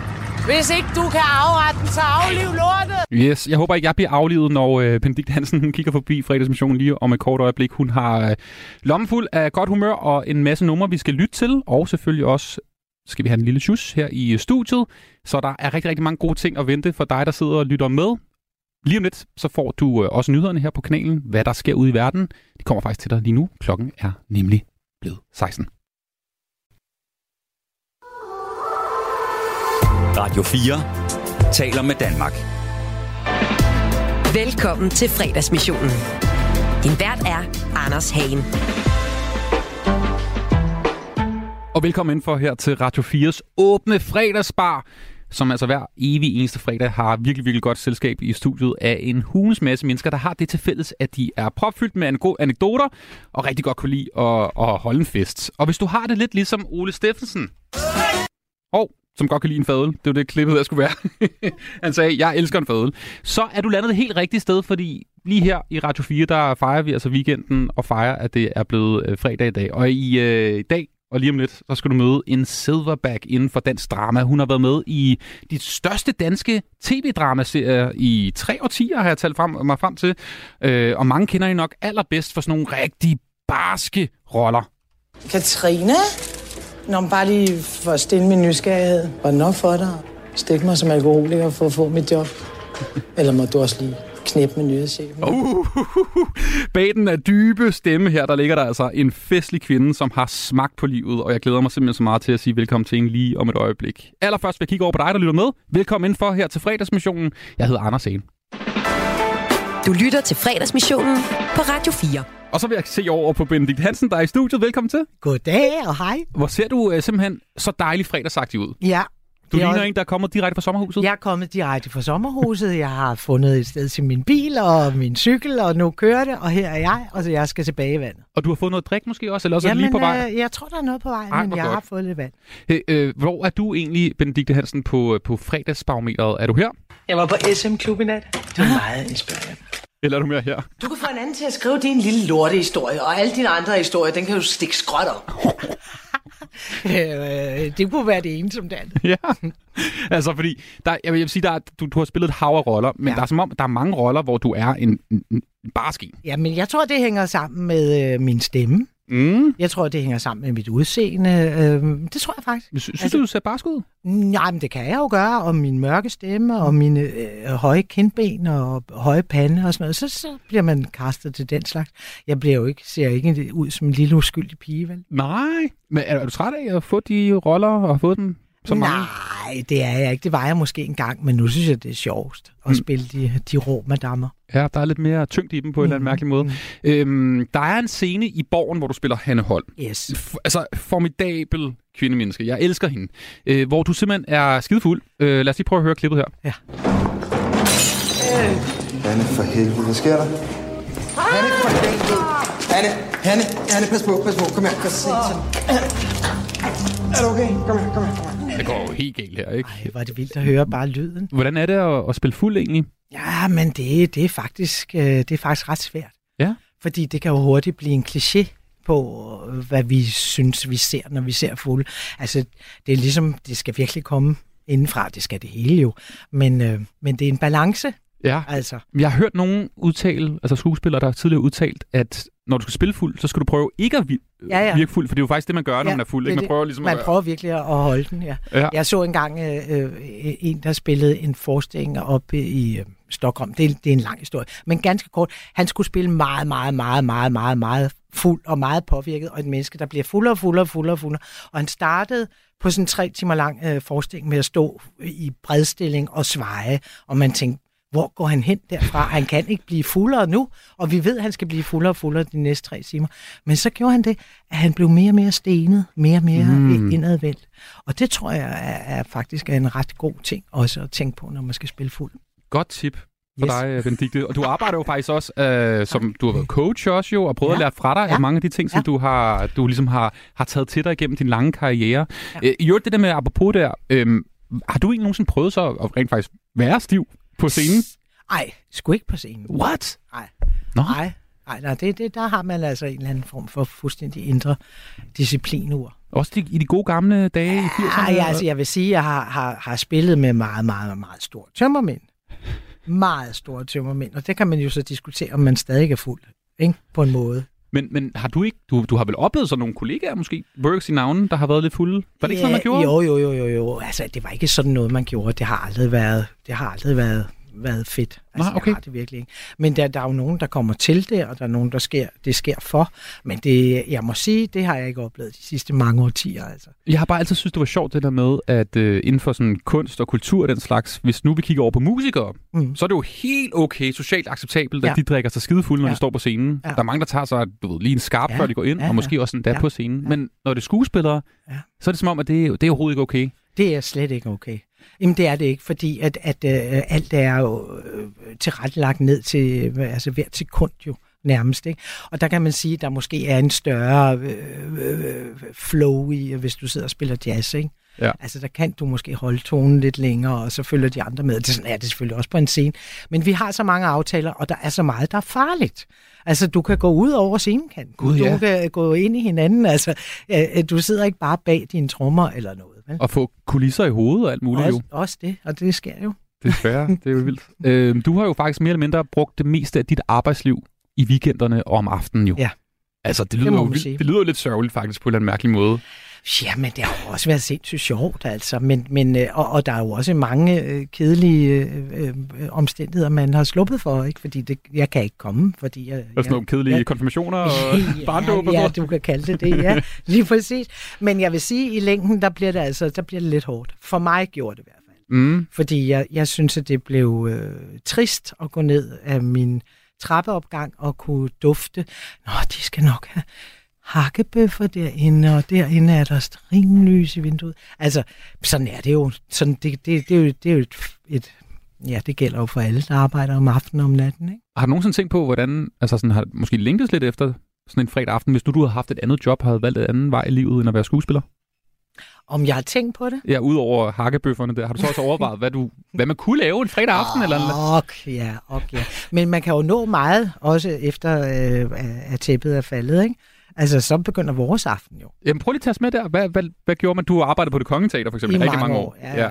Men altså, som regel har man den jo faktisk altså, så mest lyst til bare at sidde og hænge ud sammen med, med sine kolleger op i garderoben og sidde og få noget vin eller noget øl der, inden man... Altså, fordi der er det, vi kalder faldskærmstid. Altså, man skal falde ned, ikke? Mm. Altså, lande på jorden, fordi man har været ude at flyve der i nogle timer, ikke? Og det tager altså lidt tid. Og Okay. derfor er der rigtig mange af os, der, der hjælper os selv med et glas vin eller to, for hurtigere at falde ned, så man kan sove. Det er altså, det.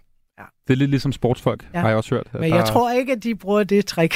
Nå, det, jo, det tror jeg. Altså i Tour de France, jeg, siger, man, altså ryttere, de sidder så og drikker vin om aftenen. Siger du det? Ja, ja. Så det, Gør de det? Ja. Nå, det er nyt for mig. Nå, ja, okay. Er der nogle særlige forestillinger, du husker tilbage på, hvor der var altså en fest, når tæppet faldt efterfølgende? Hvor der var Ej, nogle dem har sær- der været mange af. Dem har der været mange af. Og det er jo også, altså, også altså bare det, når man var ung, ikke, så var det jo, altså, jeg er en festaber, det har jeg været hele mit liv, og, og der, der har været gang i den, der har der altså. Det er en fornøjelse, at du har lyst til så at komme her og fortælle et par historier og være selskab i øh, fredagsbaren her på Radio 4, det vi kalder fredagsmissionen. Benedikte Hansen, velkommen indenfor. Og skål i. Hvad har du øh, bestilt? Jamen, jeg har bestilt, øh, jeg er blevet fuldstændig vild med øh, rabarbersaft. Mm. Og øh, da Med jeg, bobler i? Ja, med bobler i. Men øh, ja, jeg er i bil, så Mhm. derfor så er den alkoholfri. Det er så fint. Velkommen indenfor. Du lytter til fredagsmissionen på Radio 4. Og det er Benedikte Hansen, der er i studiet. Hende med den dybe stemme. Hende med den dybe stemme. Du har også lavet rigtig mange tegnefilm, ved jeg jo. Ja, og radioteater. Uha. Øh, Du startede på skuespillerskolen som 19-årig. Du fandt Yes. ud af, at du skulle være skuespiller på grund af, at du havde mødt, var det nogen, en venindes forældre, som Ja. der havde arbejdet i teaterverdenen? Ja. Og der fandt du lige pludselig ud af, gud, det kan man også. Yes. Men det var fordi, at det øh, er alt, hvad de talte om til de der middagsbord, jeg var.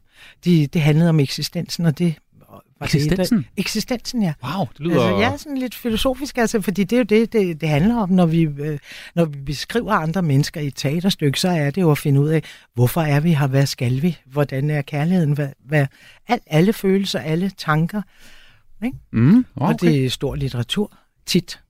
Og så gik du ned i kælderen i skolen, hvor der var en et eller andet, Det var øh, hvor der stod en, en mappe, hvor du slog op, Ja, og så kunne man så... hvad kan jeg blive? Skuespiller. Ja. Det var før Wikipedia og Google Ja, og den slags. det kan man roligt ja. Og hvad stod der så? Hold dig Så væk. stod der, nej, der stod der ikke. Der stod sådan ganske lidt om, at der fandtes tre teaterskoler øh, i landet, og det var øh, øh, øh, Statens Teaterskole, som den hed dengang, og så var det teaterskolen ved Aarhus Teater og Odense Teater. Og så skulle man så gøre sådan og sådan, og ja. Og jeg ved, du kommer ud af en familie, hvor din far var læge, og de boede i Gentofte, ikke? Og Yes. den slags. Der var der nok ikke så mange, der var skuespillere og arbejdede i Det, cirkus. der var ikke nogen. Hvad sagde de så, da du kom og sagde, jeg vil gerne være skuespiller? Jamen, de var faktisk helt vildt søde, fordi øh, jeg tror også, at øh, det var fordi, jeg er den sidste af en børneflok på fem, og øh, de ældste havde måske også, eller en af de øh, ældste, mine søskende, havde også en kunstnerisk åre, som øh, ikke rigtig blev taget alvorligt, og, og det var faktisk svært, og så så de, at man skal nok lige lytte til, øh, hvad de ønsker sig, de der unger, Mm. og så støtte dem. Så jeg er blevet støttet hele vejen igennem, det må jeg sige.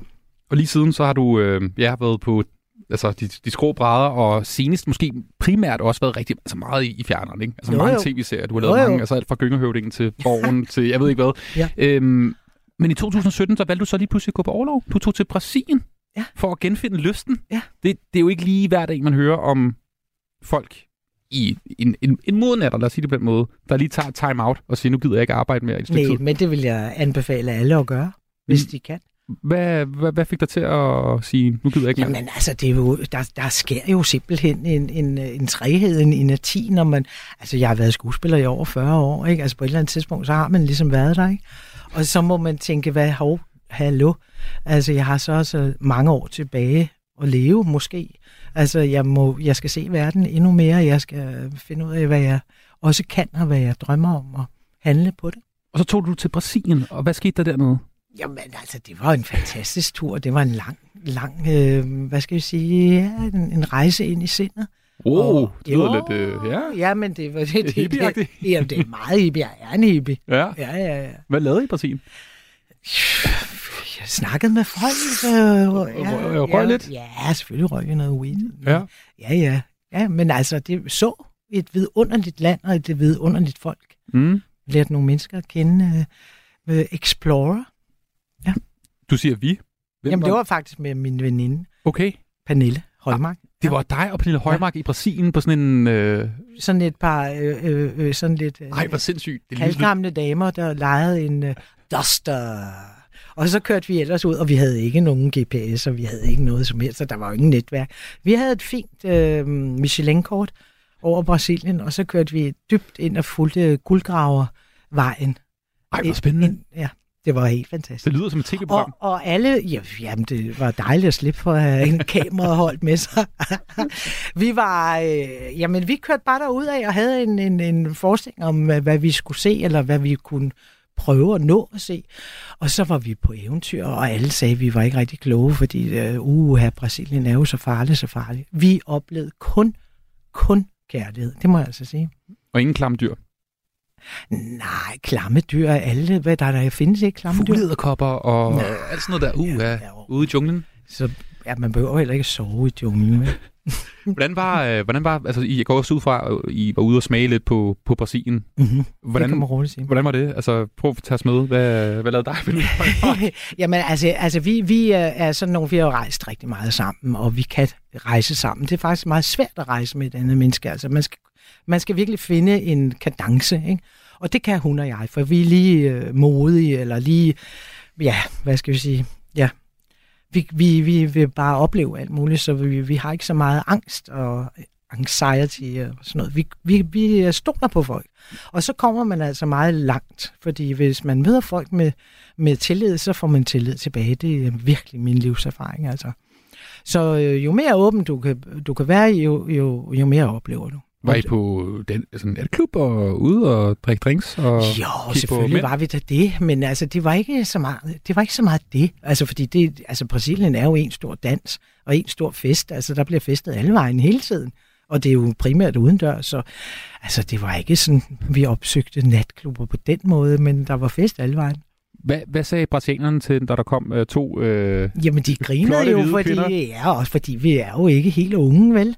Altså, så de havde lidt respekt for, at vi sådan bare kastede os ud i at køre dybt ind i Brasilien uden sikkerhedsnet, ikke? Jeg ved jo, at, øh, at borgen på det tidspunkt blev jo faktisk vist i Brasilien jo. Det er jo faktisk, at borgen er blevet solgt til Brasilien, har jeg læst mig frem til. Okay. Var der nogen, som der kom og sagde, Hanne Holm, what are you doing here? ja, nej, nej, ikke lige præcis, men det har jeg nu oplevet i andre lande, og det er altså så Ej, fortæl, corny. fortæl, hvad sker der? Jamen, jeg har oplevet det i London, hvor jeg pludselig var nogen, der var nærmest besvimet foran mig, og hvor man tænker, det er jo løgn, det her. Altså, det, det, det er ret sjovt. Det er altså ret sjovt, når man pludselig, og i, i Frankrig er den jo også meget populær, åbenbart. Så, Og så pludselig- oh, hello. Ja, ja, ja. øh, Oh, oh, ja, oh, you, you must be Hanne, Hanne, oh, ja. ja det, det, det er faktisk, det er ret sjovt. Er det, er det det her med at tage til Brasilien? Det lyder som om, at det er bare en stor anbefaling, men er det noget, du sådan, ville ønske, du har gjort tidligere i dit liv? Altså, fordi det lyder Jamen, som jeg har kinesisk. rejst øh, jorden tyndt, så det er ikke første gang. Altså, Brasilien var bare, nu hvor vi er nået til Brasilien, altså, Mm om jeg så må sige, at det har altid været et ønske for mig at komme til Sydamerika. Men jeg vil sige, lige nu er jeg ikke sikker på, at Brasilien er så vidunderligt, som det var på det tidspunkt. Men Brasilien er jo Brasilien. Men det politiske og, og, og hele øh, det klimatiske er jo, ændrer sig jo hele tiden, og det har været nogle hårde år, for, og corona var vanvittigt hård for Brasilien. Mm. Så øh, jeg ved ikke, hvordan der er nu. Det, det er jo fem år siden eller sådan noget. Seks år siden, jeg var der. Ja, der, har, der har været lidt øh, en Bolsonaro og Der har andre en ting. Bolsonaro, ja. Jeg har læst, at du engang har sagt, en skuespillers liv er jo også at være en form for beredskab hele tiden. Man Mhm. mm-hmm. mærker alting og føler alting, mm-hmm. og så skal man evne at få det omsat til et kunstnerisk udtryk. Mhm. Mm-hmm. Er det også en af grundene til, at du måske havde brug for at tage sådan et time-out? Nu, nu orker jeg ikke mere.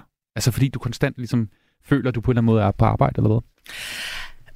Ja, altså, men det tror jeg også er min, min, øh, min karakter. Altså, jeg er øh, meget vågen altså, og lægger mærke til, og mærker alt hele tiden. Mm. Og det kan jo godt være anstrengende. Øhm, men, men det der med at lave en time-out, det har jeg gjort mange, mange gange i mit liv, så det var ikke sådan, at nu var det første gang i de 40 år, altså jeg gjorde det. Det har jeg gjort, så snart jeg overhovedet var i stand til det. Og folk, der kender dig, var ikke sådan, Nå, Benedikte Brasilien? Er- Nej, det er alene sammen overrasket med- dem. Okay. Det har overrasket dem ikke. Nej. okay. Fedt. Du lytter til fredagsmissionen på Radio 4. Og så er jo spørgsmålet, Benedikte, om du har taget nogle brasilianske numre med. Nej, sjov nok, det- for jeg var jo slet ikke klar over, at vi skulle tale om Brasilien, men du har Nej. jo stillet mig nogle spørgsmål, Det er det. som jeg flittigt har...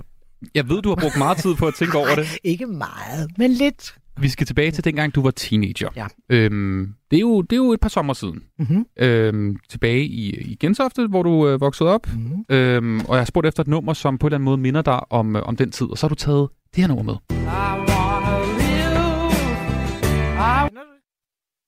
Og hvad skal der med den her? Den forsvandt lige igen her. Og. Nå, okay, der, der er faktisk, jeg har kun tre sekunder med. Det er et eller andet mærkeligt, der er sket en fejl. Det var Heart of Gold med Neil Young, vi hørte her. Åh, det er synd ikke. Ja, prøv, jeg finder lige, prøv lige at fortælle, øh, fortælle om, øh, om nummeret, så hører, finder jeg lige. Jamen, Heart of Gold, øh, eller Neil Young i det hele taget, og Buffalo Springfields og Crosby, Stills, Nash Young, var øh, nogle virkelig, virkelig helte i, i, i min verden der.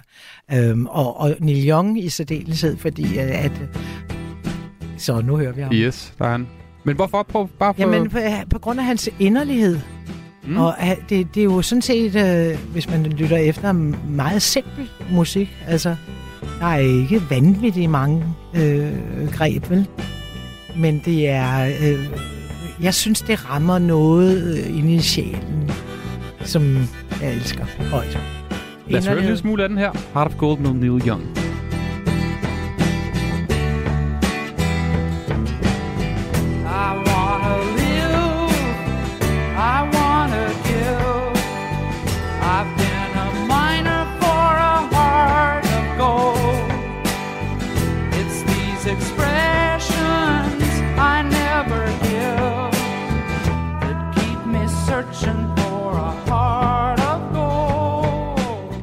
Gold. Kan du lige prøve at tage os med tilbage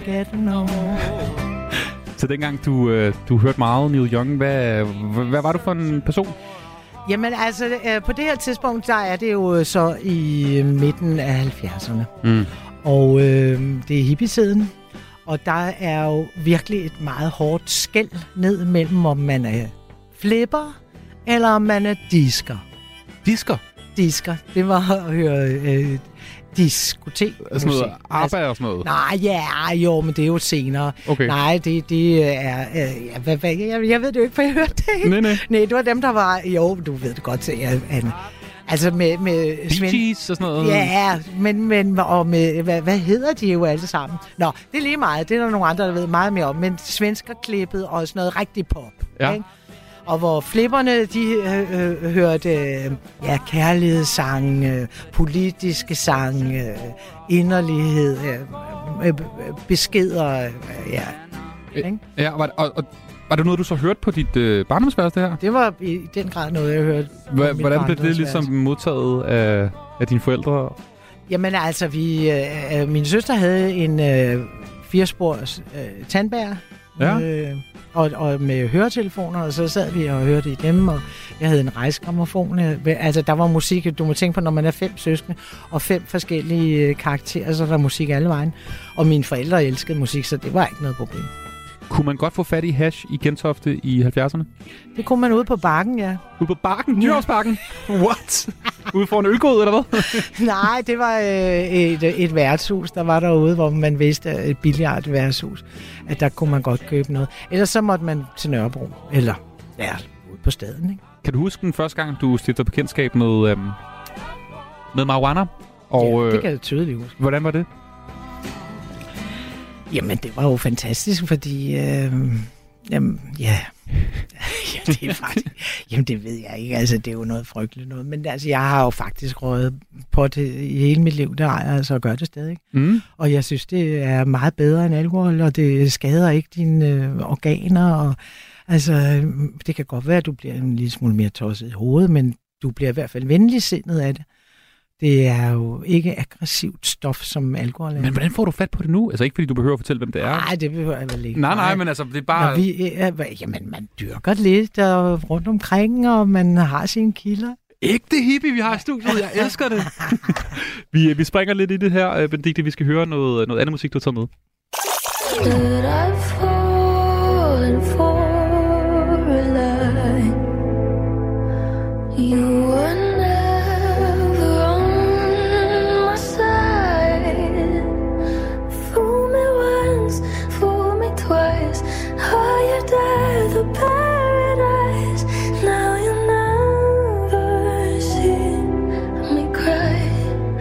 Benedikte, jeg har spurgt dig efter et nummer, som altid rører dig. Mm. Og så nævnte du det her nummer her. Ja. Med Billie Eilish. Ja. Ja. Og det, er jo, det lyder jo meget James Bond-agtigt. Og det er for James Bond. Ja, James Bond. Ja. Hvorfor, hvorfor rører det dig? Jamen altså, er det ikke tydeligt, at det er meget, meget, meget smukt? Mm. Og en kærlighedserklæring ud over alle grænser, og, og et farvel. Øhm, ja, det bevæger mig bare at sidde og tale om det. Og så øhm, er jeg vild med hende, altså, og, jeg- og følger hende, og jeg har gudskelov øh, jo både kolleger og venner, der er meget, meget yngre end mig, og, og er så gode til at, at vise mig ny musik og um, nye tanker, nye... Altså jeg, på den måde prøver jeg at, at følge med. Mm. Og så er jeg altså røget ind i hende der, og hende er jeg helt vild med. No Time to Die hedder nummeret, og stammer altså også fra den film fra, fra James Bond. Jeg ved jo, du også godt kunne tænke dig faktisk lidt at være en kvindelig James Bond, ikke? altså have en pistol i hånden. Jo, det kunne være sjovt. det kunne være sjovt. Har Det kunne være sjovt. Du har aldrig rigtig haft en pistol i hånden? i en Nej, rolle? ikke rigtigt. Nej, det er ærgerligt. Mm. Ja, det, det, det, det er så sjovt, du lige nævner det, for det, det kunne godt være, at jeg havde det tilbage og håbe på. Er, altså, er du tiltrukket af sådan en type som James Bond, den rolle der med at rundt og skyde skiderikker? Altså, nu og... kunne jeg holde et langt, langt foredrag om den sidste James Bond. Altså, det, det er musikken, jeg er glad for. Det er ikke... Ikke Daniel Craig? Nej, og slet ikke sådan, som det sluttede. Okay. Altså, ah, du må ikke, jeg har faktisk ikke fået set den, så du må ikke Nå, fortælle. Nej. okay. Ja. Nej, fordi det, det, det er helt galt. Det er helt galt? Ja. Nej, okay. Nå, lad os tage ud på dansegulvet i stedet for.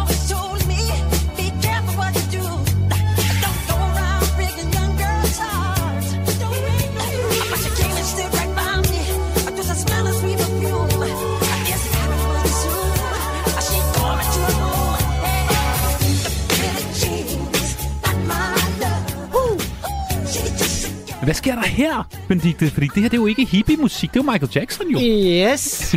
Man har lov til at kunne fagne mange genrer. Og det her, altså, jeg synes, det er genialt. Jeg synes, at Michael Jackson var genial. Mm. Altså, det er så tight. Det er så musikalsk. Det er så fucking fedt. Det synes jeg altså. Og du- og det, jeg kan ikke sidde stille. Nej, du danser stadig. Ja, Ja. ja du, altså anytime. Hvor, hvor tager du ud og danser? Nå, men jeg danser derhjemme. Nå, hvorfor ikke tage ud og danse? Jamen, hvor, hvor går man hen og danser? Kom. Kom med et godt bud. Mm, der er jo mange steder i København jo, du kan tage ud og danse. Åh, oh, men altså... Men er det ikke Altså- altså, bare fordi man er blevet en lille smule ældre, så kan man ikke gå ud og danse? Jamen, selvfølgelig kan man da gå ud og danse, men det, det, det er bare måske... Ja, det, jeg ved ikke, om det, det... Det ved jeg, jeg har ikke fundet stedet, hvor øh, jeg ville føle mig tilpas, tror jeg. Kan du huske sidste gang, du var ude og danse på sådan et, altså, et, et, rigtigt dansegulv med en DJ og disco-lys? Og... Jamen, det har været i udlandet, det har ikke været her. det er måske Brasilien i virkeligheden. Nej, nej, også, også senere. Også senere. Nej, nej, det, det, det... Jamen, altså, hvis der er et dansegulv, og der er noget god musik, så er jeg ude på det dansegulv. Mm. Ja. Jeg øh, ved jo, det er nummer, der stammer fra 80'erne jo. Mhm. Øh, David Bowie har engang sagt, at hvis du kan huske, hvad du Ja. lavede i 80'erne, så var du der ikke. Så var du der ikke. Men du kan godt huske, du har danset til Ja, Billie ja, ja, det er lige akkurat. Lige akkurat, Ja. okay. Spændende. Lad, mig- lad os tage fra, fra Billie Jean og Michael Jackson til et nummer, som øh, ingen ved, Benedikte Hansen godt kan lide. Øh, der er vel nok nogen, der gør, men nu er det i hvert fald blevet sagt i radioen. Kigger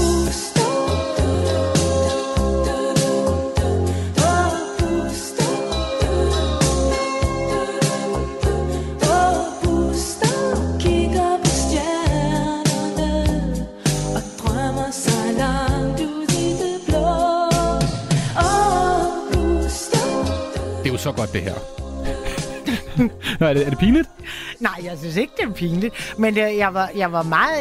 Øh, jeg, jeg synes måske, at jeg vil øh, tale om det spørgsmål, du stillede, Mm. hvor nu Buster så er et resultat af.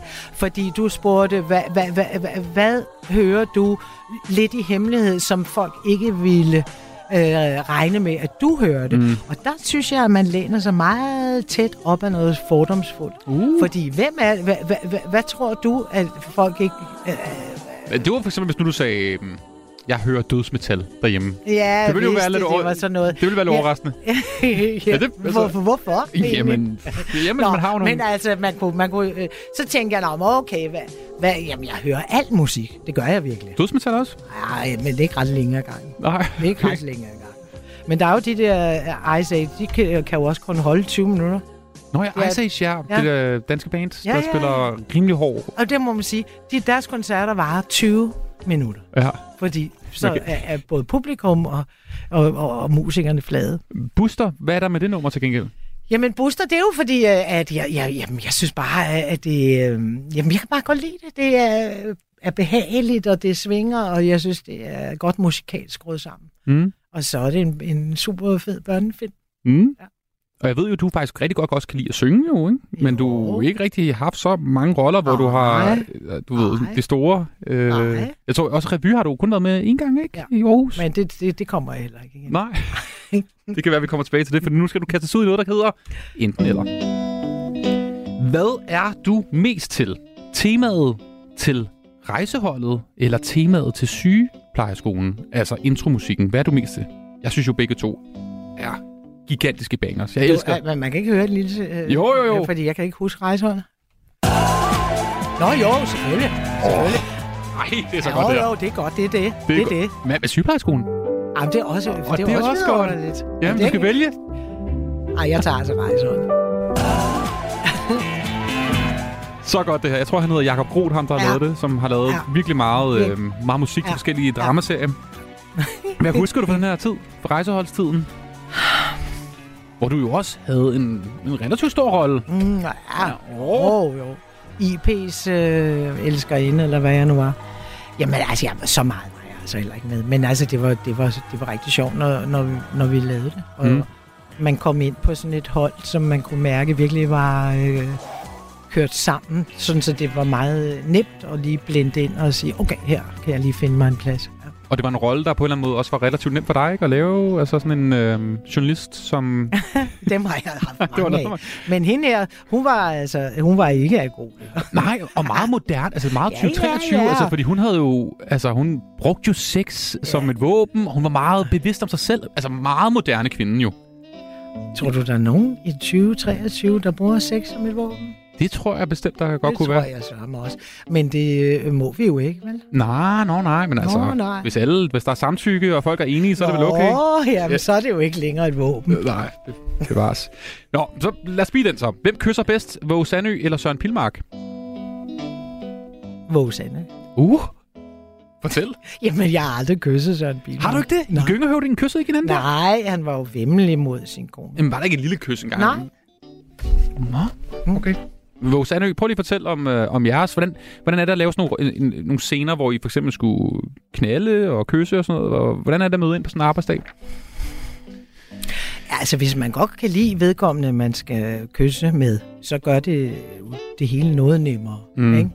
Men, Men altså, vi er jo professionelle, det er vi altså. Det er vi nødt til at være, ellers går det jo også i- fuldstændig galt. I 90'erne var der også, øh, du ved, regler for sådan nogle sexscener og den slags. Nå, jeg ved ikke, om der var sådan nogle regler, men altså, ej, altså, der var ikke nogen der, øh, øh, coach, der stod... Sexkoordinator. Øh, nej, sexkoordinator. Er det ikke, det Jo. jo, altså, ja, men det ved jeg ikke. Altså, det er jo en anden tid. Det er det virkelig. Jeg, jeg, Men, men, øh, men, men derfor har man da, øh, sin, øh, sin øh, generthed og sin øh, ære og sin, og sin respekt for den, man er kæreste med derhjemme. Jo. og lige børste sine tænder, før man... Også lige børste Fordi tænker, det må være det vigtigste, når du Det skal er være tæt meget, på den her menneske. ja. Ja. Hvad tror du lever øh, længst tid? Altså, hvad har den længste levetid? Rigsfællesskabet eller Commonwealth? Oh. Et svært spørgsmål, men jeg tænker, at du måske godt kunne Jeg have bud. tror, ja, de, de, de ryger begge to. Jamen, hvad ryger først? Commonwealth. Ja. Men det knirker også lidt i rigsfællesskabet lige Det nu med man sige. grønlænderne især. Hvad tænker du om det? Jeg tænker, det er helt på sin plads. Ja. Selvfølgelig er de øh, egne la- lande, og det skal de være. Har du et forhold til Grønland? Ja. Ja. Jeg synes, det er et af de smukkeste steder på jorden. Du har været der flere gange måske, mm. Mhm. Nej, jeg kan faktisk kun være der en gang. Ja. Og vil meget gerne deroppe igen. Mm. Mm-hmm. Stor anbefaling til alle, der ikke har været forbi Nuuk, Sønder Strømfjord. Ja. Hvad det ellers hedder. Byerne deroppe, det er øh, et Der er- smukt land. Ja. Og et smukt folk. Det må man sige. Hvad har du flest af i dit sommerhus? Mus eller myrer? Mus. Du har mange mus derhjemme. Altså, jeg har været igennem en, et hæsligt forløb med rotter. Åh, oh, endnu værre. Ja, Nej, nej. og det er nemlig sådan, at når man har rotter, så har man ingen mus. Så når der kommer en mus igen, så bliver man glad. Fordi What? så ved man, at rotterne er gået. Det har jeg aldrig hørt, det Nej, fakt. Men det er, Er sådan, det fordi, at hvad, rotterne spiser musene? er. Eller? Ja, det er noget med, med magtbalance, ikke? Altså, øh, de kan skræmme dem væk, ikke? Okay. På ingen tid. Hvad, hvad har du gjort ved rotteproblemet? Det er jo... Om, ja, men, altså, Jo, jamen fortæl. Jeg fortæller dig, hvad jeg har gjort. Jeg har fået sikret hele fundamentet under huset. Jeg har fået lavet mit udendørsbad om med cementeret, bla bla bla bla bla bla bla. Haft alle øh, skabe og skuffer ude og lagt øh, brædder nedenunder. Og, ja. og Ja. så er jeg holdt op med at og, øh, fodre min hund udendørs. Ah, det, ja, ja, det vil jeg nok også starte med, tænker jeg. Er det ikke noget med sådan noget mad udenfor? Det er det, der lokker... Det er helt galt i hvert fald. Har du... Har du... Og det er også trist, fordi man kan ikke engang... Altså, jeg, jeg lå i min seng en gang, og så en rotte kravle op i, fugle, i, i foderbrættet til fuglene. Okay. Altså, altså tre meter op. Så bliver man ærgerlig, ikke? Og så ved man, at man må altså heller ikke fodre fugle. Har du øh, dræbt en... Altså, har du dræbt en rotte? Ja, Hvordan? Hvad, hvad gør man? Hvad er ligesom... en fælde. Okay. Og jeg har også dræbt en rotte med gift, og det var virkelig ulækkert. Fordi den døde, ikke? Den led så forfærdeligt. Og der kom den gode stemme, der jeg hørte.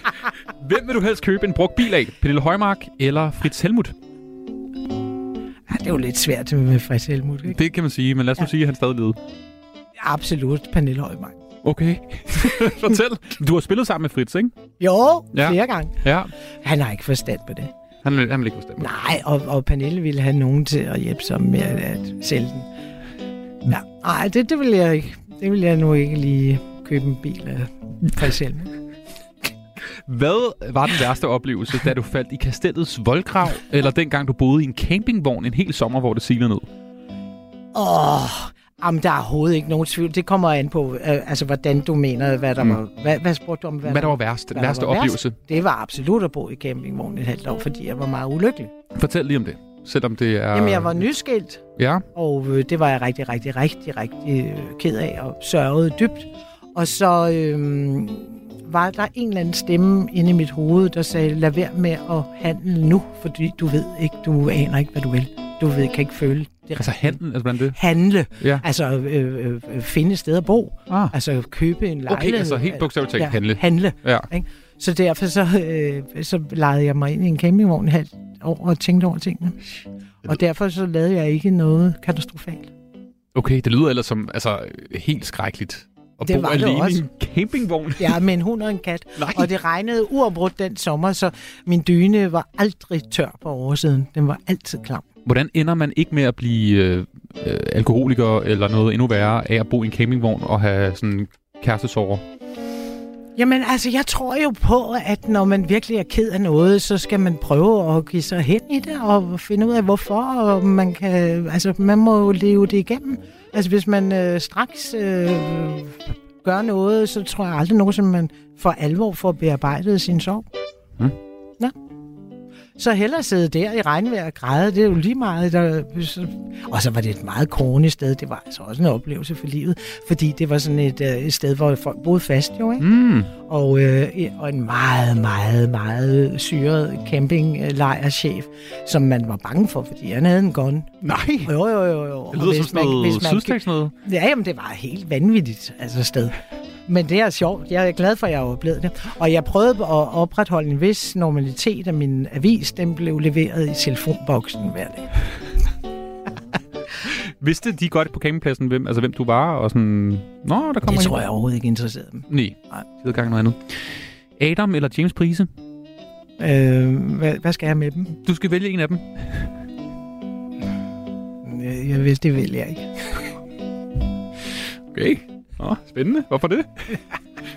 Nej, det kan jeg da ikke. Jamen, altså, det kommer jo an til, hvad, hvad jeg skulle bruge dem til. Altså, vælge dem til hvad? Mm, yeah. Vælge dem til at lave mad, så var det den ene, og hvis det var øh, noget, så var det den anden. Ja, okay. Du har mødt begge to, ikke? Jo, men primært Adam. Ja, som jo har skrevet Borgen, ja. hvis nogen er i tvivl, ikke? Ja. Hvis du ikke var blevet skuespiller, var du så blevet en fordrukken journalist eller en skrab oversygeplejerske? Fordrukken journalist. Ja, du ville egentlig faktisk gerne være journalist, ikke? Ja, men ikke nødvendigvis en fordrukken Nej, journalist. nej. Men jeg var nok blevet det alligevel. Ja. ja. Men altså, nej, jeg, ja, jeg synes, det kunne også have været sjovt at være journalist. Ja. Du kunne stadig nå det jo. Åh! Oh. Det... Hmm. Hvornår har livet været sjovest for dig, egentlig? Var det i dine 20'ere eller i dine 60'ere? Jeg synes absolut, det er sjovest at være mig nu. Okay. Ja. Hvorfor det? Fordi jeg har det godt inde mellem ørerne. Mm. Og jeg har en meget dejlig kæreste. Og nogle Det er gode dejligt. venner. Og jeg har mit helbred. Men havde du ikke også det i 20'erne? Ah, der var jeg sgu så forvirret, altså. Og mit sind øh, var i alle retninger. Det er det stadig ikke, men øh, jeg har mere styr på det i dag. Har fred indeni. Hvor var der sjovest efterfester?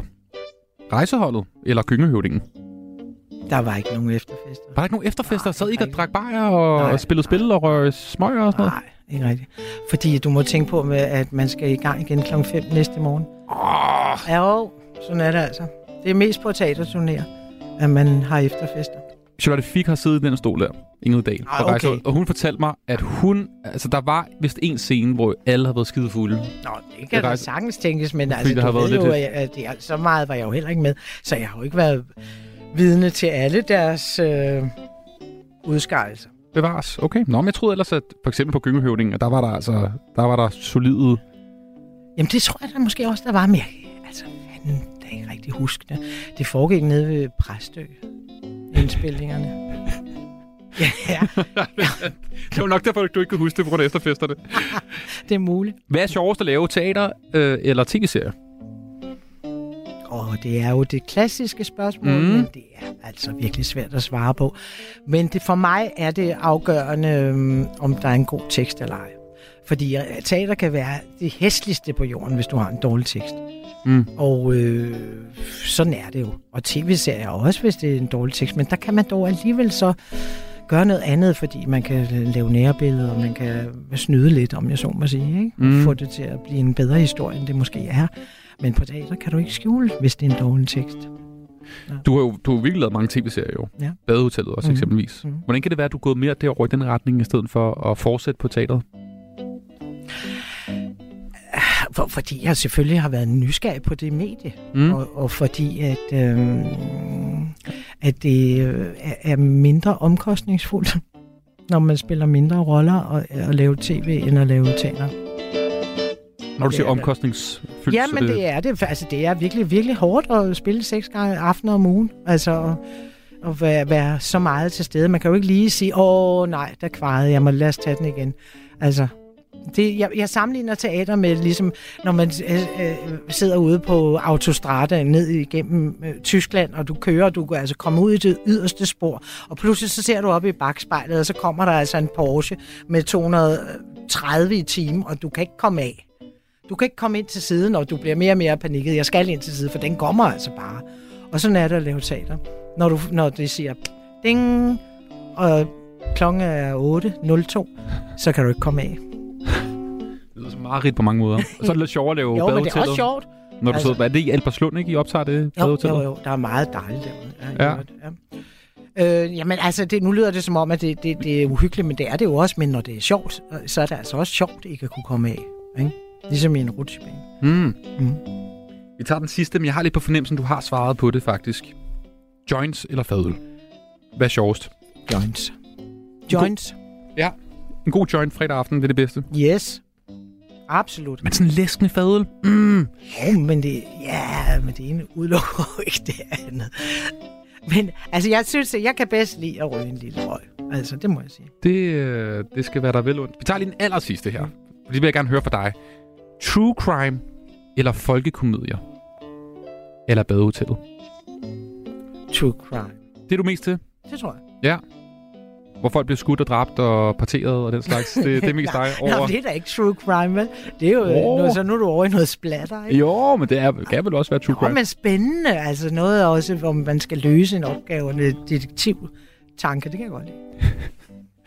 Det var enten eller med Benedikte Hansen.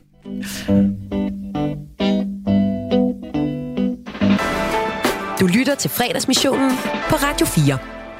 Benedikte, øhm, jeg har læst et citat fra dig, som jeg lige tænkte, jeg gerne lige vil kaste i hovedet på dig og lige høre, hvad du egentlig mener om det. Fordi du, du har sagt i din interview, at gamle mennesker bliver ofte meget anti-autoritære, og så bliver de meget mere sig selv. Mm-hmm. Der er så meget energi i det, mm-hmm. og det er så ærligt. og det bliver jeg jo sådan lidt meget nysgerrig på. Ja, for ja, det er du jo, kan glæde dig. Ja, ja, jamen, det lyder som en fest at blive gammel. Prøv lige at fortælle det. Hvordan, hvad, hvad, hvad begrunder du det i? Jamen, jeg tror, at det, det er en... Altså, jeg, jeg har altid tænkt, at jeg synes, det er sindssygt synd for folk, hvis de dør. Øh, altså for unge. Mm. Altså, at de ikke når at opleve høsten, som et liv er jo på en eller anden måde. Ikke? Altså, man høster det, man har, har, har sået igennem et langt liv, og så kommer der altså et, et udbytte her i, for 60'erne ud af, hvis man har sit helbred i behold. Og, øh, Og hvad er det for et udbytte? Jamen, det er glæden ved at, at, at være i, i live, bare at være i live, og se græsset gro, og se sine planter blive større og frodige, og se sine mennesker blive, blive flere, og at whatever det måtte være. Ikke? Og øh, tingene smager godt. Du har tid, altså på en anden måde, og du skal ikke lave karriere. Du, øh, der er ikke en hel masse mennesker, der... Jo, der er en hel masse mennesker, der siger, hvorfor skal du ikke nå? Men det er jeg ligeglad med. Altså, jeg vil gerne have lov at have det rart nu. Mm. Altså ikke, og det har jeg jo, altså det, det er noget svært noget at sige. Men jeg, men, øh, men, øh, men, øh, men, øh, men, øh, men, øh, men, øh, men, øh, men, øh, jeg synes, det, det er dejligt at blive ældre. Det må jeg sige.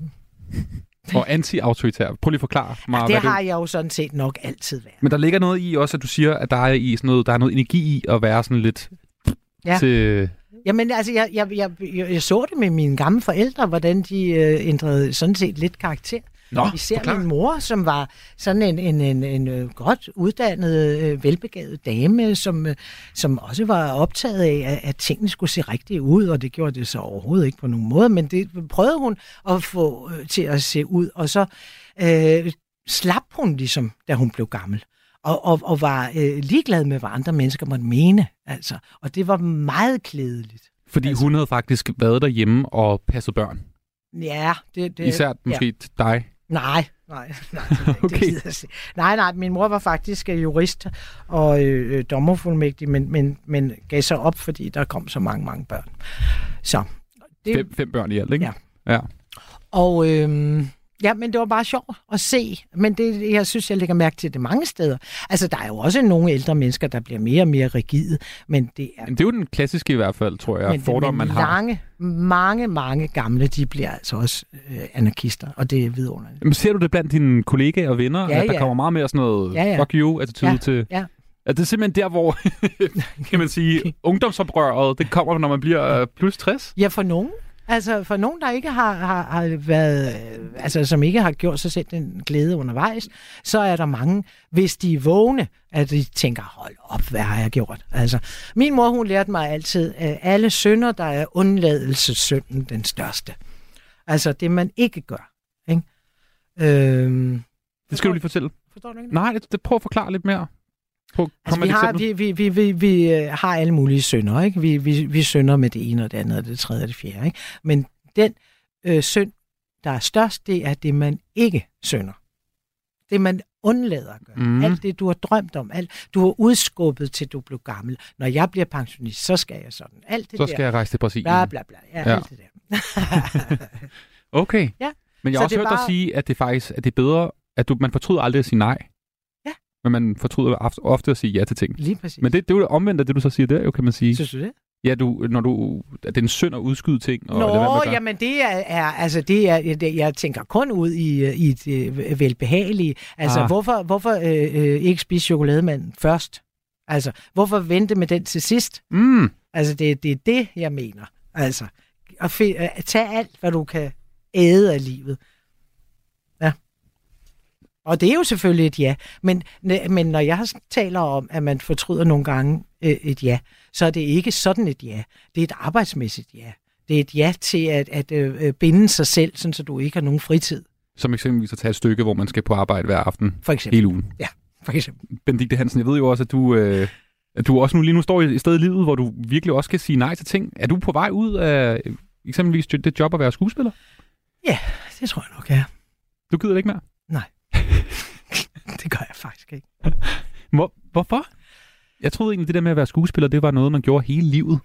Indtil man Jamen ikke... det er der, der også rigtig mange, altså, der gør, om man, man, man, man, man, man definerer jo også sig selv som skuespiller, og det er også skønt, at- at man kan blive ved med at være det. Der ikke er nogen pensionsalder for os. Men derfor behøver det jo ikke at betyde, at jeg skal spille tre forestillinger om året, øh, til jeg lukker mine øjne. Det kommer ikke til at finde sted. Så det er simpelthen en langemand til øh, systemet? Det er fingeren til... Hvad, hvad siger... Men altså, så var der så nogen, der lokkede mig øh, øh, til at lave en rigtig sjov forskning, vi lavede inde på et hotel her sidste forår, øh, øh, øh, på Ibsens Hotel på Nørrebro. Og øh, det var en helt fantastisk oplevelse. Og det var sådan nogle unge mennesker, der havde... Installations... Ja, det kan man sige. Vi var, havde fire hotelværelser, vi var fire skuespillere. Jeg og der hørt om var, det, ja. ja, det var, det var fantastisk. Hvor man kom ind som publikum ind i de forskellige værelser, ja, hvor... lige, lige netop, og, og spillede en til en over for et, et, en publikum. Ikke? Det Mm. var meget grænseoverskridende og rigtig, rigtig sjovt. Men sådan noget vil jeg gerne. Jeg vil gerne noget, jeg ikke har prøvet før. Altså, det er sådan der. Men hvis nu for eksempel Adam Prise ringer igen og siger, at vi skal have en ny sæson Borgen, Hanne Hånd vil vi gerne lige ja, fryse men op det igen. gjorde han jo ikke. Det gjorde han ikke i sæson Nej. 4 af Netflix her. Nej. Nej. Hvad sker? Hvorfor egentlig ikke det? Jamen, det må du da spørge ham om. Tage ham ind og holde en times øh, samtale med ham om det. Fordi jeg er da rasende over det. Altså, det er da stensikkert. Ja. Men altså, jeg ved ikke, jeg har aldrig fået nogen forklaring. Men det var nok fordi, øh, at, at ja, det ved jeg ikke, jeg gider ikke komme med nogen forklaring. Nej, nej. De må de selv ikke rømme, fjolserne. Men øh, på mange måder inspirerende, at øh, når man bliver ældre, så får man det federe. Og så øh, Ja. kan man jo bare sige nej til ting, ja. uden at øh, du har ligesom fundet ud af, at de ting, at sige nej til, Men det, men det gælder om at, at holde sig fysisk i gang. Og selvfølgelig også mentalt. Mm. Men altså, man skal ikke, øh, altså, så man kan holde sit helbred. Og det, det får du altså glæde op i låget af. Benedikte Hansen, det har været simpelthen en fornøjelse at have besøg af dig her i, i fredagsmissionen. Øhm, Peter Belli, han døde jo i Ja, går. Ja. En øh, altså, virkelig trist nyhed, synes jeg. Det må man sige, men han har været her længe. Mm. Har du nogensinde været sammen med ham? Nej, det har jeg aldrig mødt ham. I har lige krydset veje Nej, ellers? Nej. Men jeg, jeg tænkte på ham også, fordi vi skulle mødes i dag her, om man skulle spille et eller andet. Det har jeg da simpelthen tænkt på, at vi skulle. Ja. Vi skal høre et nummer med Peter Belli, som, en, øh, som du kan gå ud til, og som en hyldest til øh, Ja. en af Danmarks første rock and roll stjerner. Her er det selvfølgelig Ja. ja. Istegade og Benedikte Hansen. God weekend. Og det er sjovt, det var lige den, jeg tænkte på. Hun hedder Leila, sig. Hun er rigtig meget ud i sit diskodansesrod Hun kan det hele på høje hæle. Hun vil være diskostar Og mens egoen passer bare Så tager hun rigtig fat. Og knokler løs hver nat. De er unge og elsker hinanden Så går alting glat.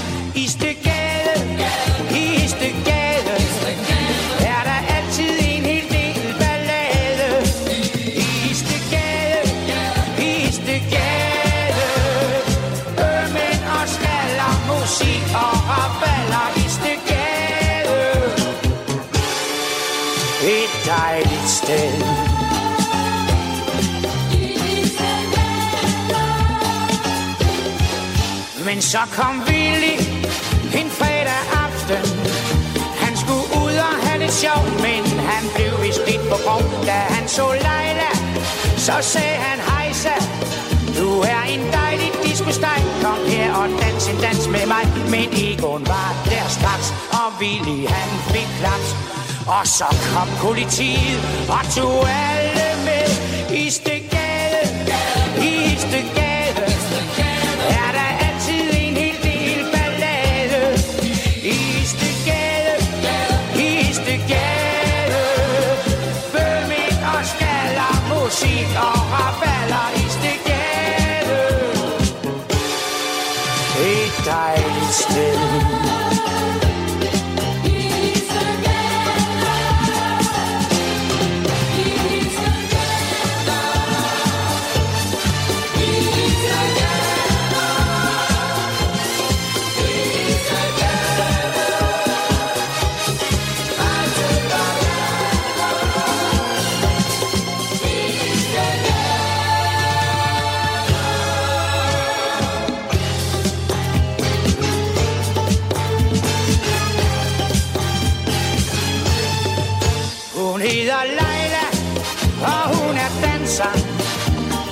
Ser lidt kedelig ud, ligner mest en bred klud.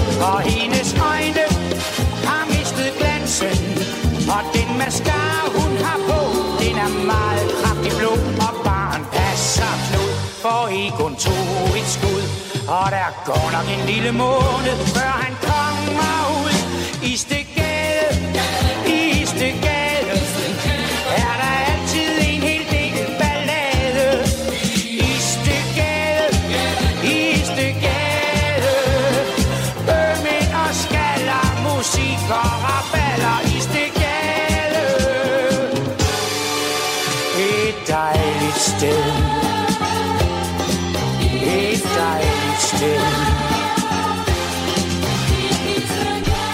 God gamle Peter Belli, selvfølgelig her med Istegade i fredagsmissionen.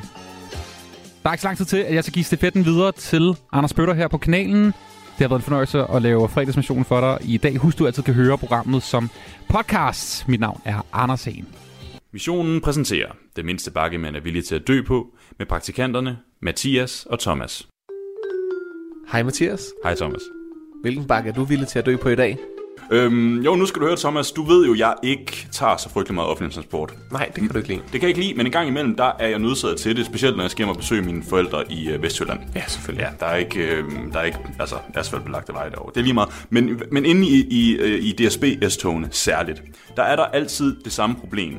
Det ene, nej, der er faktisk to problemer. Det ene problem, det er øh, dørsensoren. Ja. Når det er, man skal ind i togkupéen. Ja. Den virker aldrig på samme måde i to kupéer. Nej, det er faktisk rigtigt. Det er aldrig noget med, at man sådan lige kan gå ind, og sådan ligesom, at hvis du er på vej ind i en, i en Matas for eksempel, så går dørene bare automatisk op. Nej, i et DSB-tog, der skal du gå hen til døren, og så skal du stå og vifte foran med din hånd, og så mange gange er du nødsaget til at tage hånden helt op omkring sensoren, for ellers så kan den slet ikke registrere. Det er det ene problem. Og så det andet problem, det kommer som direkte aflad af det første problem, det er, at det fatter folk ikke. Nej. Folk de fatter ikke, at det er det, der skal til. Så hver eneste gang, jeg sidder i, i et DSB-tog, jeg bliver af en eller anden grund, så bliver jeg altid placeret meget, meget tæt ved døren, så jeg kan se på folk, der går forbi. Og hver eneste gang, så står de og vifter foran, foran døren. Så står de og vifter. Og så bliver jeg altid nødsaget til at, at gå et eller andet fakt-show i gang. Mig siddende. Så sidder jeg sådan og gør sådan her. Altså du ved, tager min, tager min hånd i vejret. Og mimer til og, dem. Og mimer til dem, for at de kan få døren åben. Og det, de fatter det ikke. Det tror du vinker. Hej, de tror, det, hej, det tror hej. jeg vinker, og, og, det, og, det er, og det er det samme problem hver fucking gang. Og det, det skal simpelthen stoppe. Jamen, jeg, jeg er faktisk helt enig. En god gammeldags knap i midten af døren. Tryk åben. Jeg ved ikke, hvor mange gange jeg har set gamle damer stå og hejle altså i toget, før de skal ind. Her, øh, afgegangen, bitte. Ja, og i forhold til gamle damer der, når det er, at, at du ved, man prøver at være venlig, og man prøver at være venlig, og man tager hånden op, og de, de så endelig fatter, at det, man har gjort for dem, det er at vise dem, hvordan de kommer ind i den der dør der. Så sker der jo så det, som der gjorde sidste gang, jeg var i toget, at så skulle den gamle dame sætte sig ned ved siden af mig. og så er jeg blevet dagens ridder, ja. fordi jeg har fået hende ind gennem døren. Og det føler hun er en invitation til, at hun skal snakke til mig fire stive timer på vej mod Jylland. Så har jeg fået mig en ny ven i, øh, i Grete øh, af 1922 Ja, eller og noget. du af kan ikke engang flygte Jeg fra- kan ikke flygte. Nej. Jeg kan ikke gøre noget, og jeg kan ikke pludselig begynde at være en idiot over for hende. Eller sådan. Og jeg vil bare gerne sidde og høre min musik, og alt på grund af, at der er en fucking dør, som der er ikke nogen, der kan finde ud af at gå ind af. Fix jeres lort, DSB. Du har lyttet til Den mindste bakke, man er villig til at dø på. Og det var fredagsmissionen for denne udgave den her fredag. Lige nu så får du nyhederne her på Radio 4 klokken er 17. Du har lyttet til en podcast fra Radio 4. Find flere episoder i vores app, eller der, hvor du lytter til podcast. Radio 4 taler med Danmark.